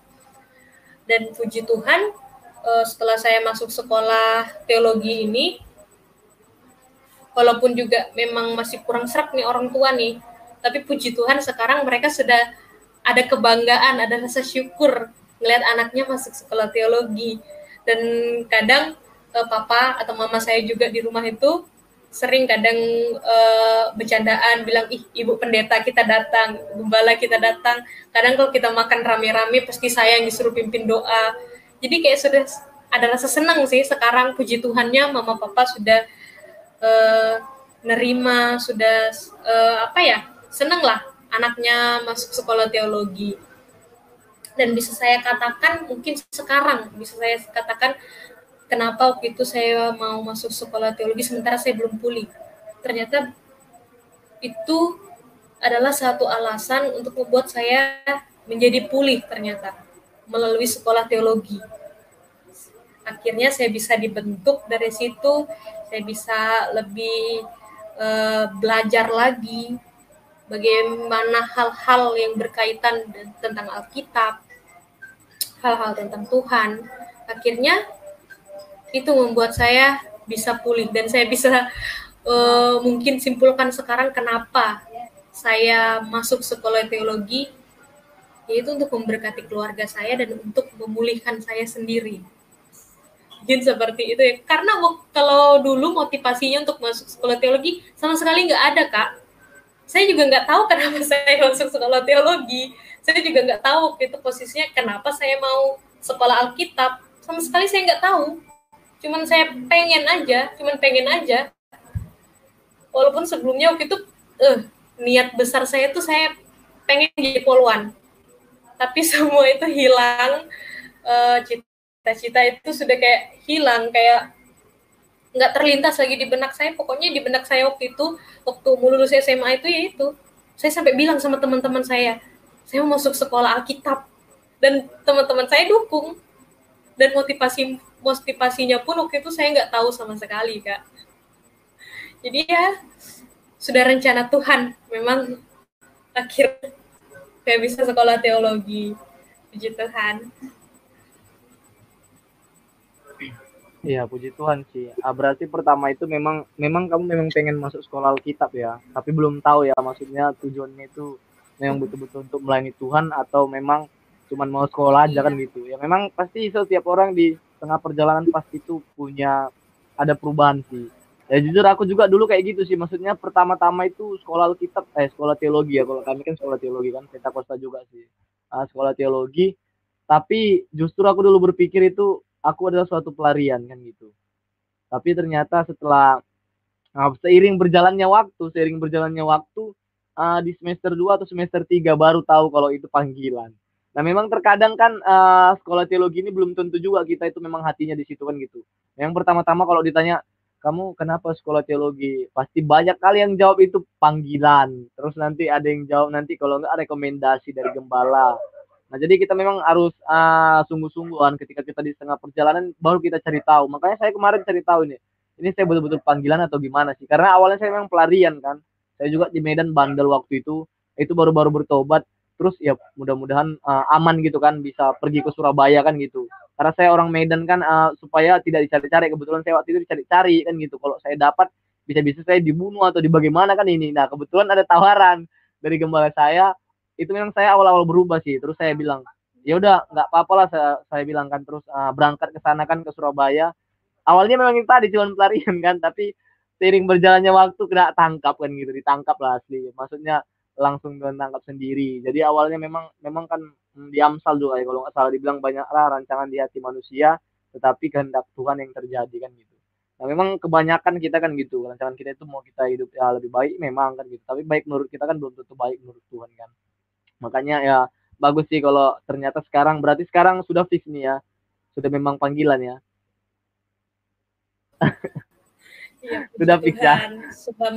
Tuhan. panggilannya ini lagi sibuk skripsi berarti Olin Ya, sekarang lagi ya. sibuk skripsi Mantap. untuk menyelesaikan tugas-tugas akhir. Ya, tugas akhir Tapi itulah. ambil PAK kan? Iya, Kak. Kamu ambil PAK. Oh, ambil sama sih. Tapi yang penting tetap semangat aja sih. Nah, ini saya mau tanya lagi nih. Hmm, ketika Olin itu pertama kali apa uh, coba lepaskan pengampunan, uh, masih ada nggak tiba-tiba di suatu waktu pas Olin ingat-ingat itu ada rasa lagi kepahitan di dalam hati. Uh, ketika sudah masih awal-awal nih ya, misal awal-awal misalnya kan kita awal-awal memaafkan seseorang, baru tiba-tiba nanti kita kan namanya manusia ini kan angin-anginan toh. Kadang nanti kalau kita ingat lagi, ih kenapa ya aku maafkan kan gitu. Nah pernah nggak timbul pikiran seperti itu nggak uh, sama Olin? Uh, waktu awal-awalnya ya setelah saya melepaskan pengampunan itu uh, memang masih ada rasa sedikit canggung. Saya pun sama nenek saya masih benar-benar canggung banget. Kayak nggak pernah uh, ngobrol sedekat itu. Bahkan dia uh, saya benar-benar nggak pernah ngalamin yang benar. Dia kayak ngasih kasih sayang banget gitu loh ke saya. Jadi benar-benar canggung pada saat itu. Dan awal-awal waktu setelah saya melepaskan pengampunan itu masih ada memang kadang teringat masih ada kadang teringat. Tapi kembali saya teringat lagi kata uh, kata orang tua rohani saya yang kebetulan gembala saya sendiri dia bilang seperti ini kalau kamu memutuskan untuk mengampuni seseorang tapi ketika kamu lepaskan pengampunan itu masih ada uh, kamu ingat-ingat masih sakit-sakit berarti kamu bunuh, belum benar-benar melepas pengampunan tersebut kalau masih ada rasa seperti itu. Jadi begitu saya ingat uh, ingat lagi yang sebelum-sebelumnya kejadian-kejadian sebelumnya yang membuat saya sakit hati dan yang lain-lainnya itu saya cuma bisa bilang wow kamu hebat Olin. Kamu luar biasa. Walaupun waktu itu ada rasa uh, sakit hatinya itu sih enggak. Sudah sakit hatinya itu enggak kak benar-benar karena sebelum saya uh, memutuskan untuk saya mau mengampuni nenek saya, benar-benar saya bergumul dulu. Sebelumnya saya bergumul betul benar-benar bisa nggak sih saya lepaskan ini? Bisa nggak sih saya benar-benar mengampuni nenek saya, memaafkan kesalahannya, memaafkan yang uh, yang membuat saya harus bunuh diri, harus saya mengalami kecelakaan dan saya uh, waktu itu berpikir kejadian-kejadian ini semua terjadi ya karena nenek saya waktu itu. Tapi puji Tuhan, setelah saya akhirnya benar-benar saya siap nih. Akhirnya setelah saya siap ya saya ungkapkan, saya ngomong sama nenek melepaskan ini semua. Jadi setelah eh, setelah itu walaupun teringat lagi nggak ada sih kak rasa sakit hati itu lagi. Kayak nangisnya itu bukan nangis sedih bukan nangis sedih sakit hati tapi nangis kayak bahagia gitu loh kayak wow. Makanya itu saya bilang waktu saya ini cuman saya cuman bisa bilang wow kamu hebat Olin. Tapi saya ngebanggain diri saya sendiri. Kamu bisa ngelewati itu semua ternyata. Kamu luar biasa.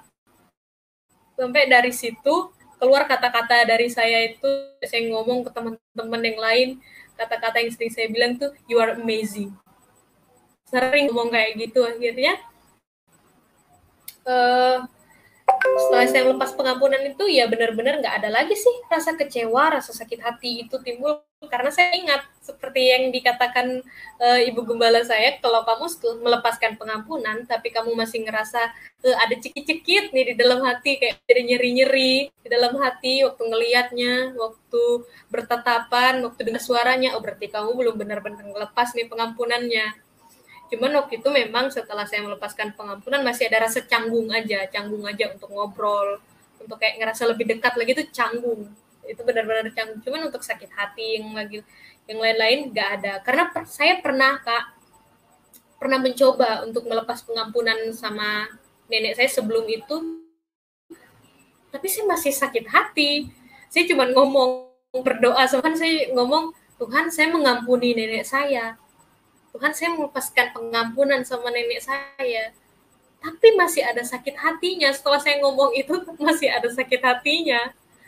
Tapi mungkin karena saya pernah coba berkali-kali kali ya akhirnya benar-benar Tuhan pulihkan benar-benar akhirnya waktunya waktunya Tuhan lah memang yang membuat saya benar-benar siap. Mungkin ya uh, saya pikir mungkin kalau saya melepaskan pengampunan pada waktu itu waktu SMA atau pas SMP saya sudah melepaskan pengampunan sama nenek saya pada waktu itu. Mungkin itu saatnya waktu saya belum dewasa mungkin bisa saja uh, itu terulang lagi. Tapi memang waktu Tuhan itu memang waktu yang terbaik. Saya akhirnya diizinkan untuk bisa melepas pengampunan sama nenek saya sudah setelah melewati beberapa tahun kepahitan tersebut. Setelah beberapa tahun dari SMP sampai kayak akhirnya 2018 baru saya bisa melepaskan pengampunan itu. Dan selama dari SMP sampai sebelum saya melepaskan itu benar-benar hubungan kami keluarga itu nggak baik sama sekali. Benar-benar kacau lah. Baik saya sama keluarga saya, mama saya terutama dengan uh, mamanya sendiri akhirnya jadi kayak nggak enak serba salah lah jadi nggak baik semuanya tapi puji Tuhan akhirnya karena waktu Tuhan, karena kemurahan Tuhan, akhirnya saya bisa melepaskan itu semua. Dan sampai sekarang hubungan kami benar-benar baik, kayak bisa sehappy itu kak. Karena luar biasa, pokoknya Tuhan itu hebat. Iya, puji Tuhan sih luar biasa. Itu semua kita percaya karena kebaikan Tuhan ya, ah, bukan karena kemampuan kita kan gitu.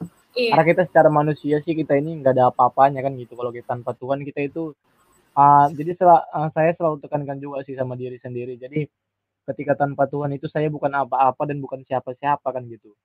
Jadi kalau kita udah sama Tuhan, kita ini bisa diangkat Tuhan kan gitu. Jadi ketika Tuhan yang mengangkat kita, percayalah Tuhan juga yang akan membantu kita, yang menolong kita, menguatkan kita kan gitu. Meskipun banyak rintangan dan tantangan yang kita alami kan gitu.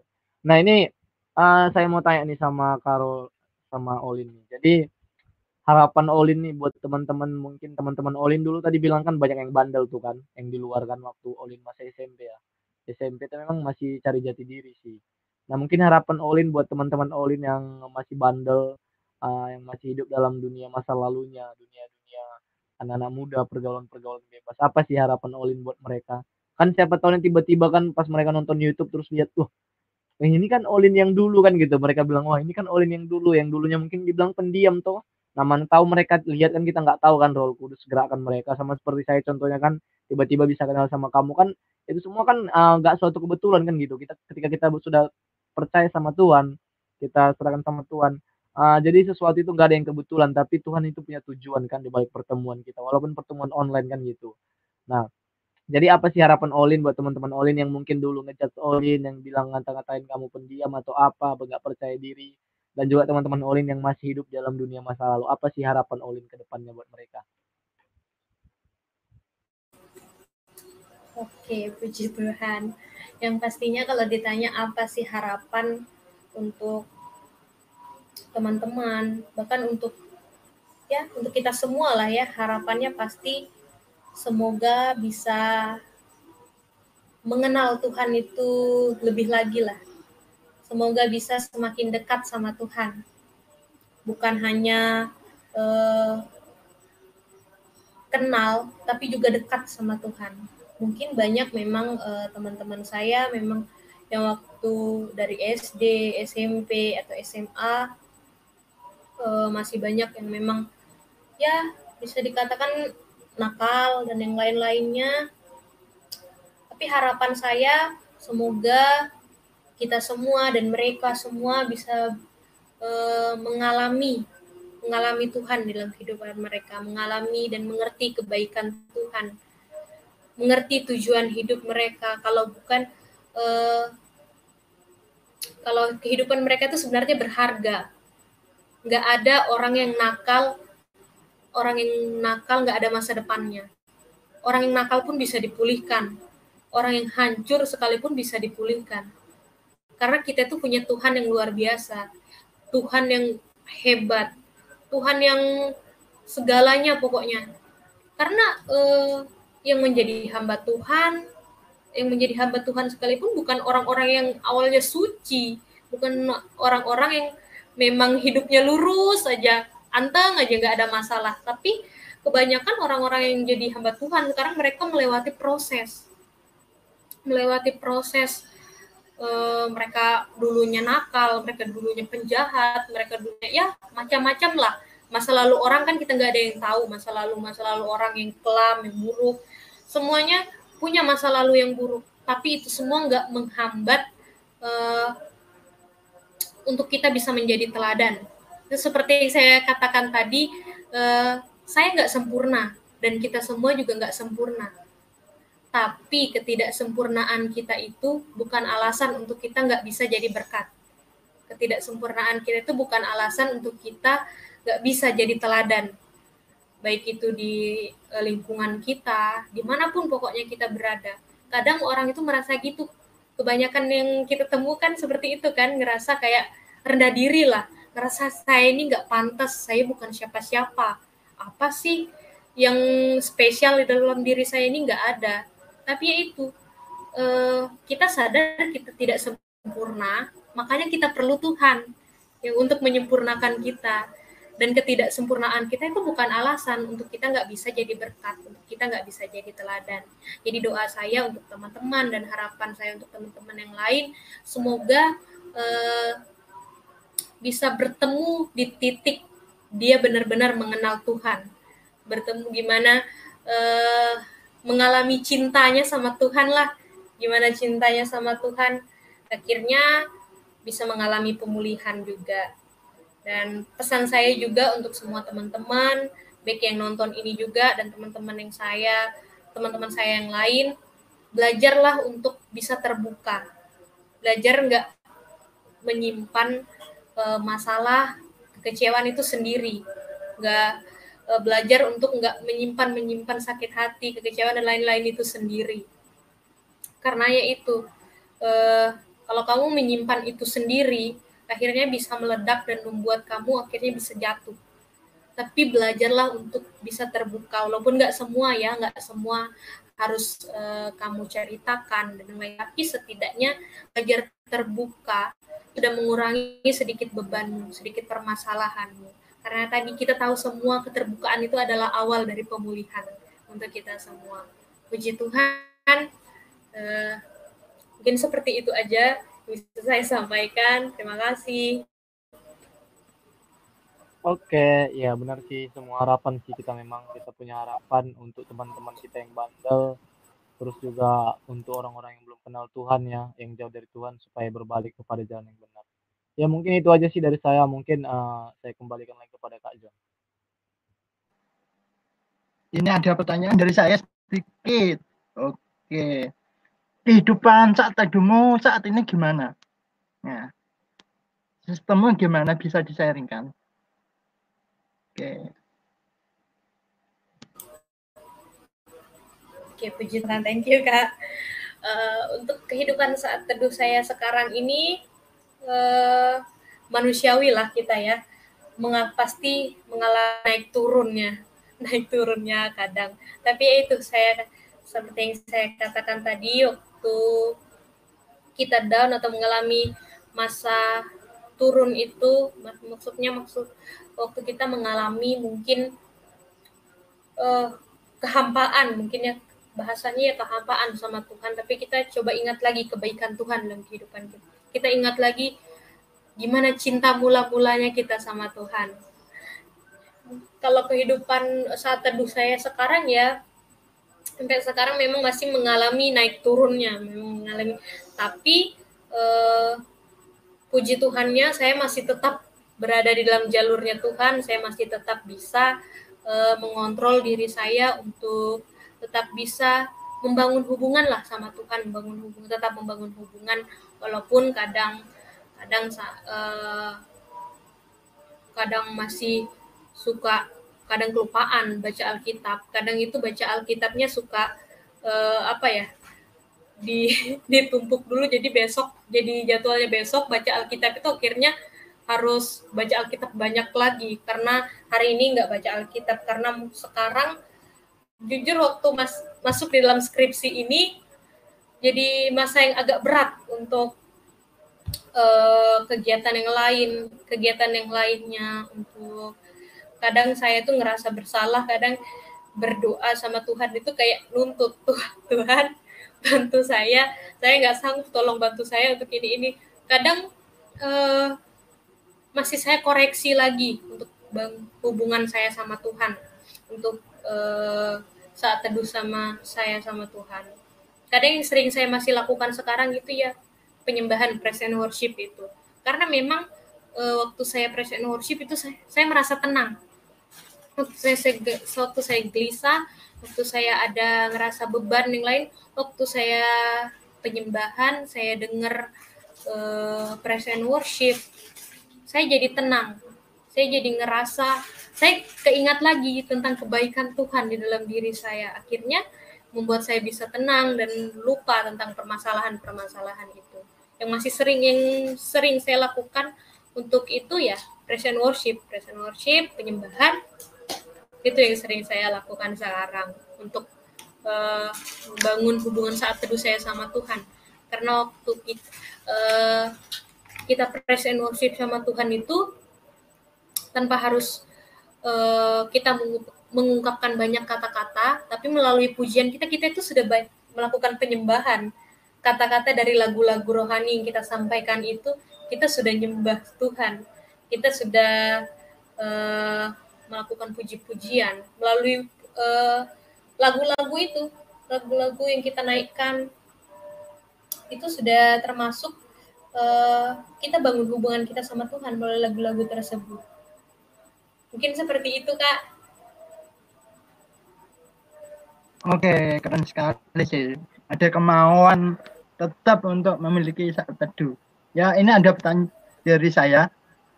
Kamu kan memiliki latar belakang yang bisa dikatakan nggak baik, terus tiba-tiba masuk ke STT. Nah, apa yang kamu alami bisa disaringkan nggak proses adaptasi di STT dan apalagi di STT kamu kan juga pasti ketemu dengan orang-orang yang berbagai karakter ya gitu bisa disaringkan? Oke uh, prosesnya ya memang nggak mudah ya. Yang memang dari saya yang awalnya yang nggak tahu tujuannya masuk kayak ini apa. Mau ma masuk doang nggak tahu sebenarnya uh, harapan ke depannya masuk STT ini apa.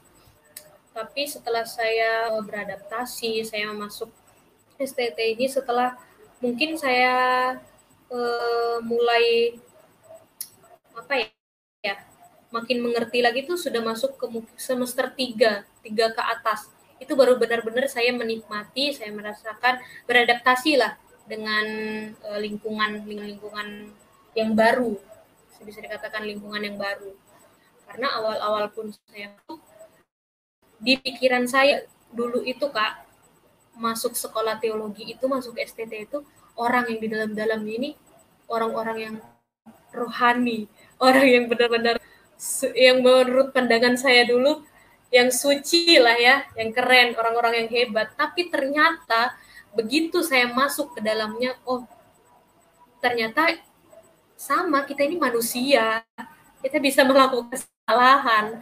Ternyata latar belakang orang-orang yang ada di sini pun nggak semuanya baik, dan itu harus saya harus bisa terima, nggak sesuai dengan ekspektasi saya pada awalnya, dan harus bisa saya terima. Sampai uh, pada akhirnya ya puji Tuhan saya bisa beradaptasi. Selain itu uh, yang membuat saya semakin bisa uh, beradaptasi waktu masuk STT walaupun latar belakang saya memang nggak baik ya. Ya karena saya ada di satu komunitas itu komunitas yang membuat akhirnya saya uh, pulih saya menemukan yang saya rasa benar-benar bisa menerima saya bukan hanya teman tapi kayak ngerasa di komunitas itu saya ngerasa sudah seperti keluarga sampai pada saat ini.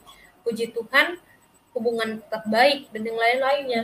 Karena di komunitas tersebut juga kan e, bukan hanya dengar firman Tuhan, tapi kita belajar juga seperti e, belajar tentang Alkitab dan yang lain-lainnya. Dan akhirnya itu membuat saya semakin bertumbuh dan bahkan e, setelah saya masuk sekolah teologi yang awalnya saya nggak tahu apa nih yang mau dipelajari di sekolah teologi. Yang saya pikir dulu tuh, oh mungkin belajar Alkitab dari kejadian sampai wahyu kali ya, yang diajarin di sekolah Alkitab nih, karena kan belajar mengarah ke Alkitab nih. Benar-benar kayak blank bang, nggak tahu, karena awalnya memang tujuan masuk teologi nggak tahu, nggak tahu apa-apa, nggak tahu tujuannya apa. Jadi saya pikir seperti itu. Tapi setelah saya masuk ke dalamnya, puji Tuhan saya semakin tertarik. Ternyata wow e, belajar teologi itu seru loh. E, walaupun ya saya pikir dulu gampang lah belajar teologi ini. Belajar Alkitab doang kok dulunya seperti itu pemikiran saya tak walaupun ternyata wah ketemu Ibrani ketemu Yunani dan yang lain-lainnya wow luar biasa sekali pembelajaran ini dan membuat akhirnya saya semakin tertarik sama teologi. Dan e, bagaimana saya beradaptasi juga bukan hanya di kampus tapi di kalangan saya e, teman-teman saya bahkan di kampung saya pun itu e, karena orang-orang tahu saya masuk sekolah teologi jadi sering kayak apa ya e, diolok lah. Nggak diolok atau nggak tahu nggak tahu sih bahasanya gimana. Kadang sering dikatain oh ibu pendeta ini ibu pendeta kita. Kadang waktu dikatain seperti itu aduh mereka ini kenapa sih harus di ngomongin kayak gitu? Awalnya lu nggak senang. Kayak rasa risih kalau dikatain seperti itu. Kadang mereka bilang e, apalah kita nih orang berdosa be beda lah sama hamba Tuhan nih. Lah dalam akhirnya dalam pemikiran saya itu timbul e, emang kalian bukan hamba Tuhan ya? Setahu saya hamba Tuhan itu bukan cuma pendeta setelah saya masuk teologi teologi ya. Yang saya tahu hamba Tuhan itu bukan cuma pendeta. Tapi kita semua ini hamba Tuhan. Kita ini hamba bukan cuma orang masuk teologi bukan cuma orang yang pendeta. Jadi kayak salah banget kalau mereka bilang apalah kami ini orang berdosa. Kalau e, beda lah sama hamba Tuhan. Ya kalau kita hamba Tuhan mereka apa dong? Masa hamba hmm hamba itu? Ya enggak dong. Kita semua hamba Tuhan. Cuman berbeda jalurnya aja. Kan ada orang uh, jadi hamba Tuhan di marketplace, mereka bisa dan pasti banyak yang lain nggak harus mereka jadi pendeta, mereka seorang hamba Tuhan. Ya itu sih. Jadi saya juga berpikir karena waktu itu dari saya kecil ya saya bilang saya memang uh, walaupun hidup di lingkungan yang memang nggak sehat waktu itu di kampung saya uh, puji Tuhannya saya diajarkan sama orang tua itu uh, tentang gereja, diajarkan tentang yang baik lah, nggak diajarkan tentang yang hal-hal apa ya keberhalaan itulah, nggak diajarkan gitu, nggak pokoknya nggak dikasih tahu sama orang tua. Dan kebetulan saya waktu itu karena masih kecil juga nggak suka, nggak suka sama nggak suka. Uh, selain nggak suka, saya takut karena saya pernah ngeliat uh, kayak uh, ritual karena sering banget di kampung saya nggak ada ritual. Itu saya pernah lihat dan saya takut itu yang membuat saya akhirnya jadi nggak suka dan puji Tuhan saya sampai sekarang itu bersyukurnya bersyukur karena saya takut itu. Karena saya takut akhirnya saya jadi nggak suka dan saya nggak mau deket-deket itu. Hal yang seperti itu. Dan puji Tuhan juga waktu saya kecil saya dekat sama keluarga pastori. Jadi orang-orang di kampung situ ya berpikir lah saya dari kecil saya sering dikatain waktu uh, saya dekat sama keluarga pastori dikatain hamba Tuhan, gembala, sering dikatain kayak gitu. Kadang waktu SMP pas pulang kampung, saya ke gereja, gereja itu kebetulan di ujung kampung. Waktu saya jalan kaki ke gereja, ketemulah bapak-bapak atau ibu-ibu yang ngumpul di depan. Tadi saya ajak, ayo tante, om ke gereja. Ya langsung dijawab, ah, pergi aja kamu, kami orang berdosa ini, titip aja, titip aja doa. Pasti diomongin kayak gitu. Jadi kayak apa ya? uh, mungkin saya berpikirnya kenapa saya sampai uh, masuk sekolah teologi juga mungkin ada sebagian doa dari orang-orang di kampung saya. Karena dari kecil saya sering dikatain ibu gembala saya sering dikatain hamba Tuhan.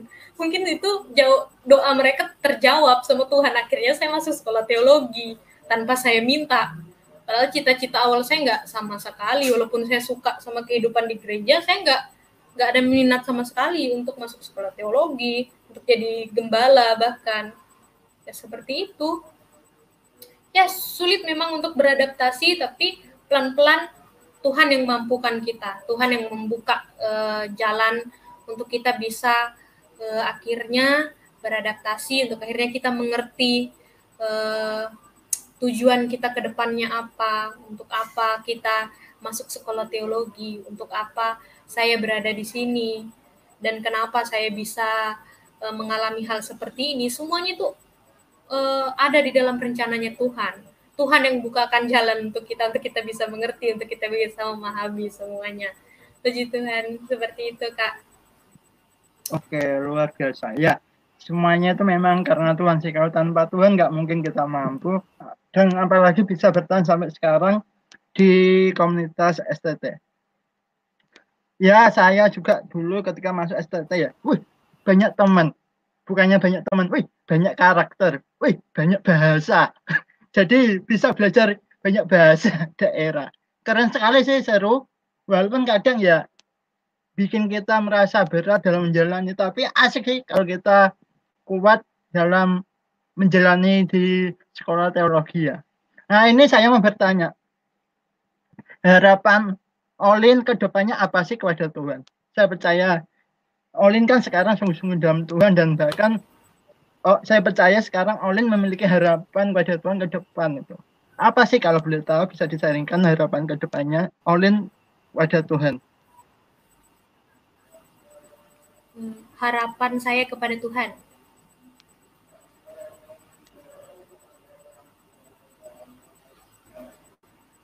Mungkin saya kurang jelas tadi Kak dengar karena agak nyangkut-nyangkut.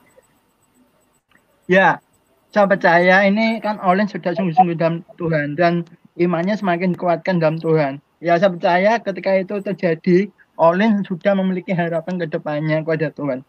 Boleh tahu sih atau bisa disaringkan harapan Olin kepada Tuhan ke depannya apa sih? Olin pengen apa sih ke depannya pada Tuhan gitu. Uh, puji Tuhan Terima kasih pertanyaannya.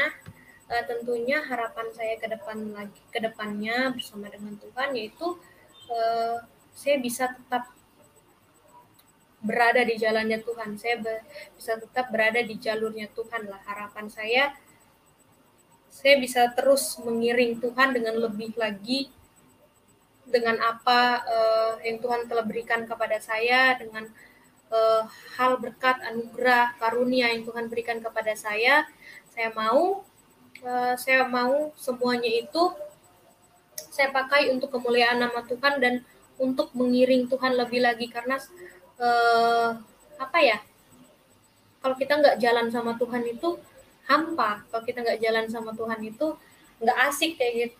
Kayak flat aja hidup. Kalau kita ngerasain damai aja tuh kayak beda kayak beda aja gitu. Walaupun nanti ke depannya kita nggak tahu uh, semakin karena kita tahu semakin kita naik level maka semakin ada lagi lah pencobaan-pencobaan yang mungkin uh, lebih berat lagi yang kita lewati. Tapi itu uh, itu semua nggak menghalangi kasih Tuhan di dalam kehidupan kita. Dan harapan saya semoga uh, ke depannya saya bisa lebih lagi lebih dekat lagi sama Tuhan. Saya bisa lebih lagi bangun hubungan saya sama Tuhan dan e, bersama dengan Tuhan saya boleh menjadi berkat di mana pun nanti saya ditempatkan, di mana pun nanti saya diizinkan Tuhan e, setelah saya lulus kuliah, saya diizinkan Tuhan e, berada di mana pun itu, saya boleh menjadi tetap menjadi berkat melalui e, berkat melalui karunia yang Tuhan kasih ke dalam kehidupan saya. Puji Tuhan seperti itu. Oke, ya saya percaya ketika Olin sudah yakin wajah Tuhan, sudah beriman, setiap pengharapan Olin itu pasti akan terwujud. Tuhan akan nyatakan yang terbaik di waktu yang tepat. Mungkin dari kita nggak ada pertanyaan lagi. Mungkin Olin bisa kasih closing statement. Setelah itu Olin tutup dalam apa tutup dalam doa pertemuan kita pada hari ini. Oke, puji Tuhan. Uh, yang menjadi closing statement saya sama, untuk kita semua yaitu uh, kita sadar bahwa kita memang seperti saya tadi katakan ya sadar kita itu nggak sempurna tapi ketidaksempurnaan kita itu bukan menjadi alasan untuk kita tidak bisa menjadi berkat untuk tidak kita tidak bisa menjadi teladan tapi ketidaksempurnaan kita itu uh, malah membuat kita semakin dekat sama Tuhan ketidaksempurnaan kita itu uh, ada uh, bukan alasan untuk kita nggak bisa melayani Tuhan. Tapi mari sama-sama kita belajar melalui ketidaksempurnaan kita, kita bisa menjadi berkat, kita bisa menjadi teladan. Jangan jadikan ketidaksempurnaan kita itu uh, untuk uh, untuk kita bisa dikasihani orang, untuk kita bisa merasa kecewa, untuk kita bisa merasa hal-hal yang tidak berkenan lah kepada Tuhan. Tapi mari kita jadikan ketidaksempurnaan kita itu menjadi teladan untuk orang lain melalui ketidaksempurnaan kita. Kita perlu Yesus untuk membuat kita menjadi sempurna. Karena karena eh, Tuhan Yesus, Tuhan Yesus itu ada di dalam kehidupan kita itu untuk menyempurnakan kita, untuk membebaskan kita dari apa pun itu.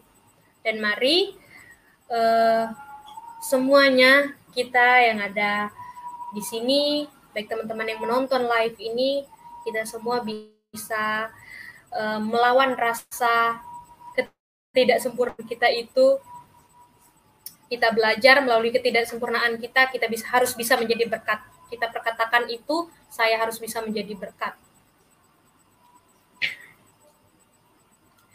Kita uh, mungkin itu saja yang bisa saya sampaikan mungkin itu bisa yang saya sampaikan untuk kita semua terus belajarlah untuk lebih dekat lagi sama Tuhan karena Tuhan yang akan nanti membuka jalannya kepada kita waktunya Tuhan yang akan memberikan kepada kita segala hal yang kita perlukan segala hal yang kita butuhkan di dalam kehidupan kita dan satu lagi belajarlah terbuka karena kita tahu keterbukaan adalah awal dari pemulihan. Puji Tuhan yang dapat saya sampaikan.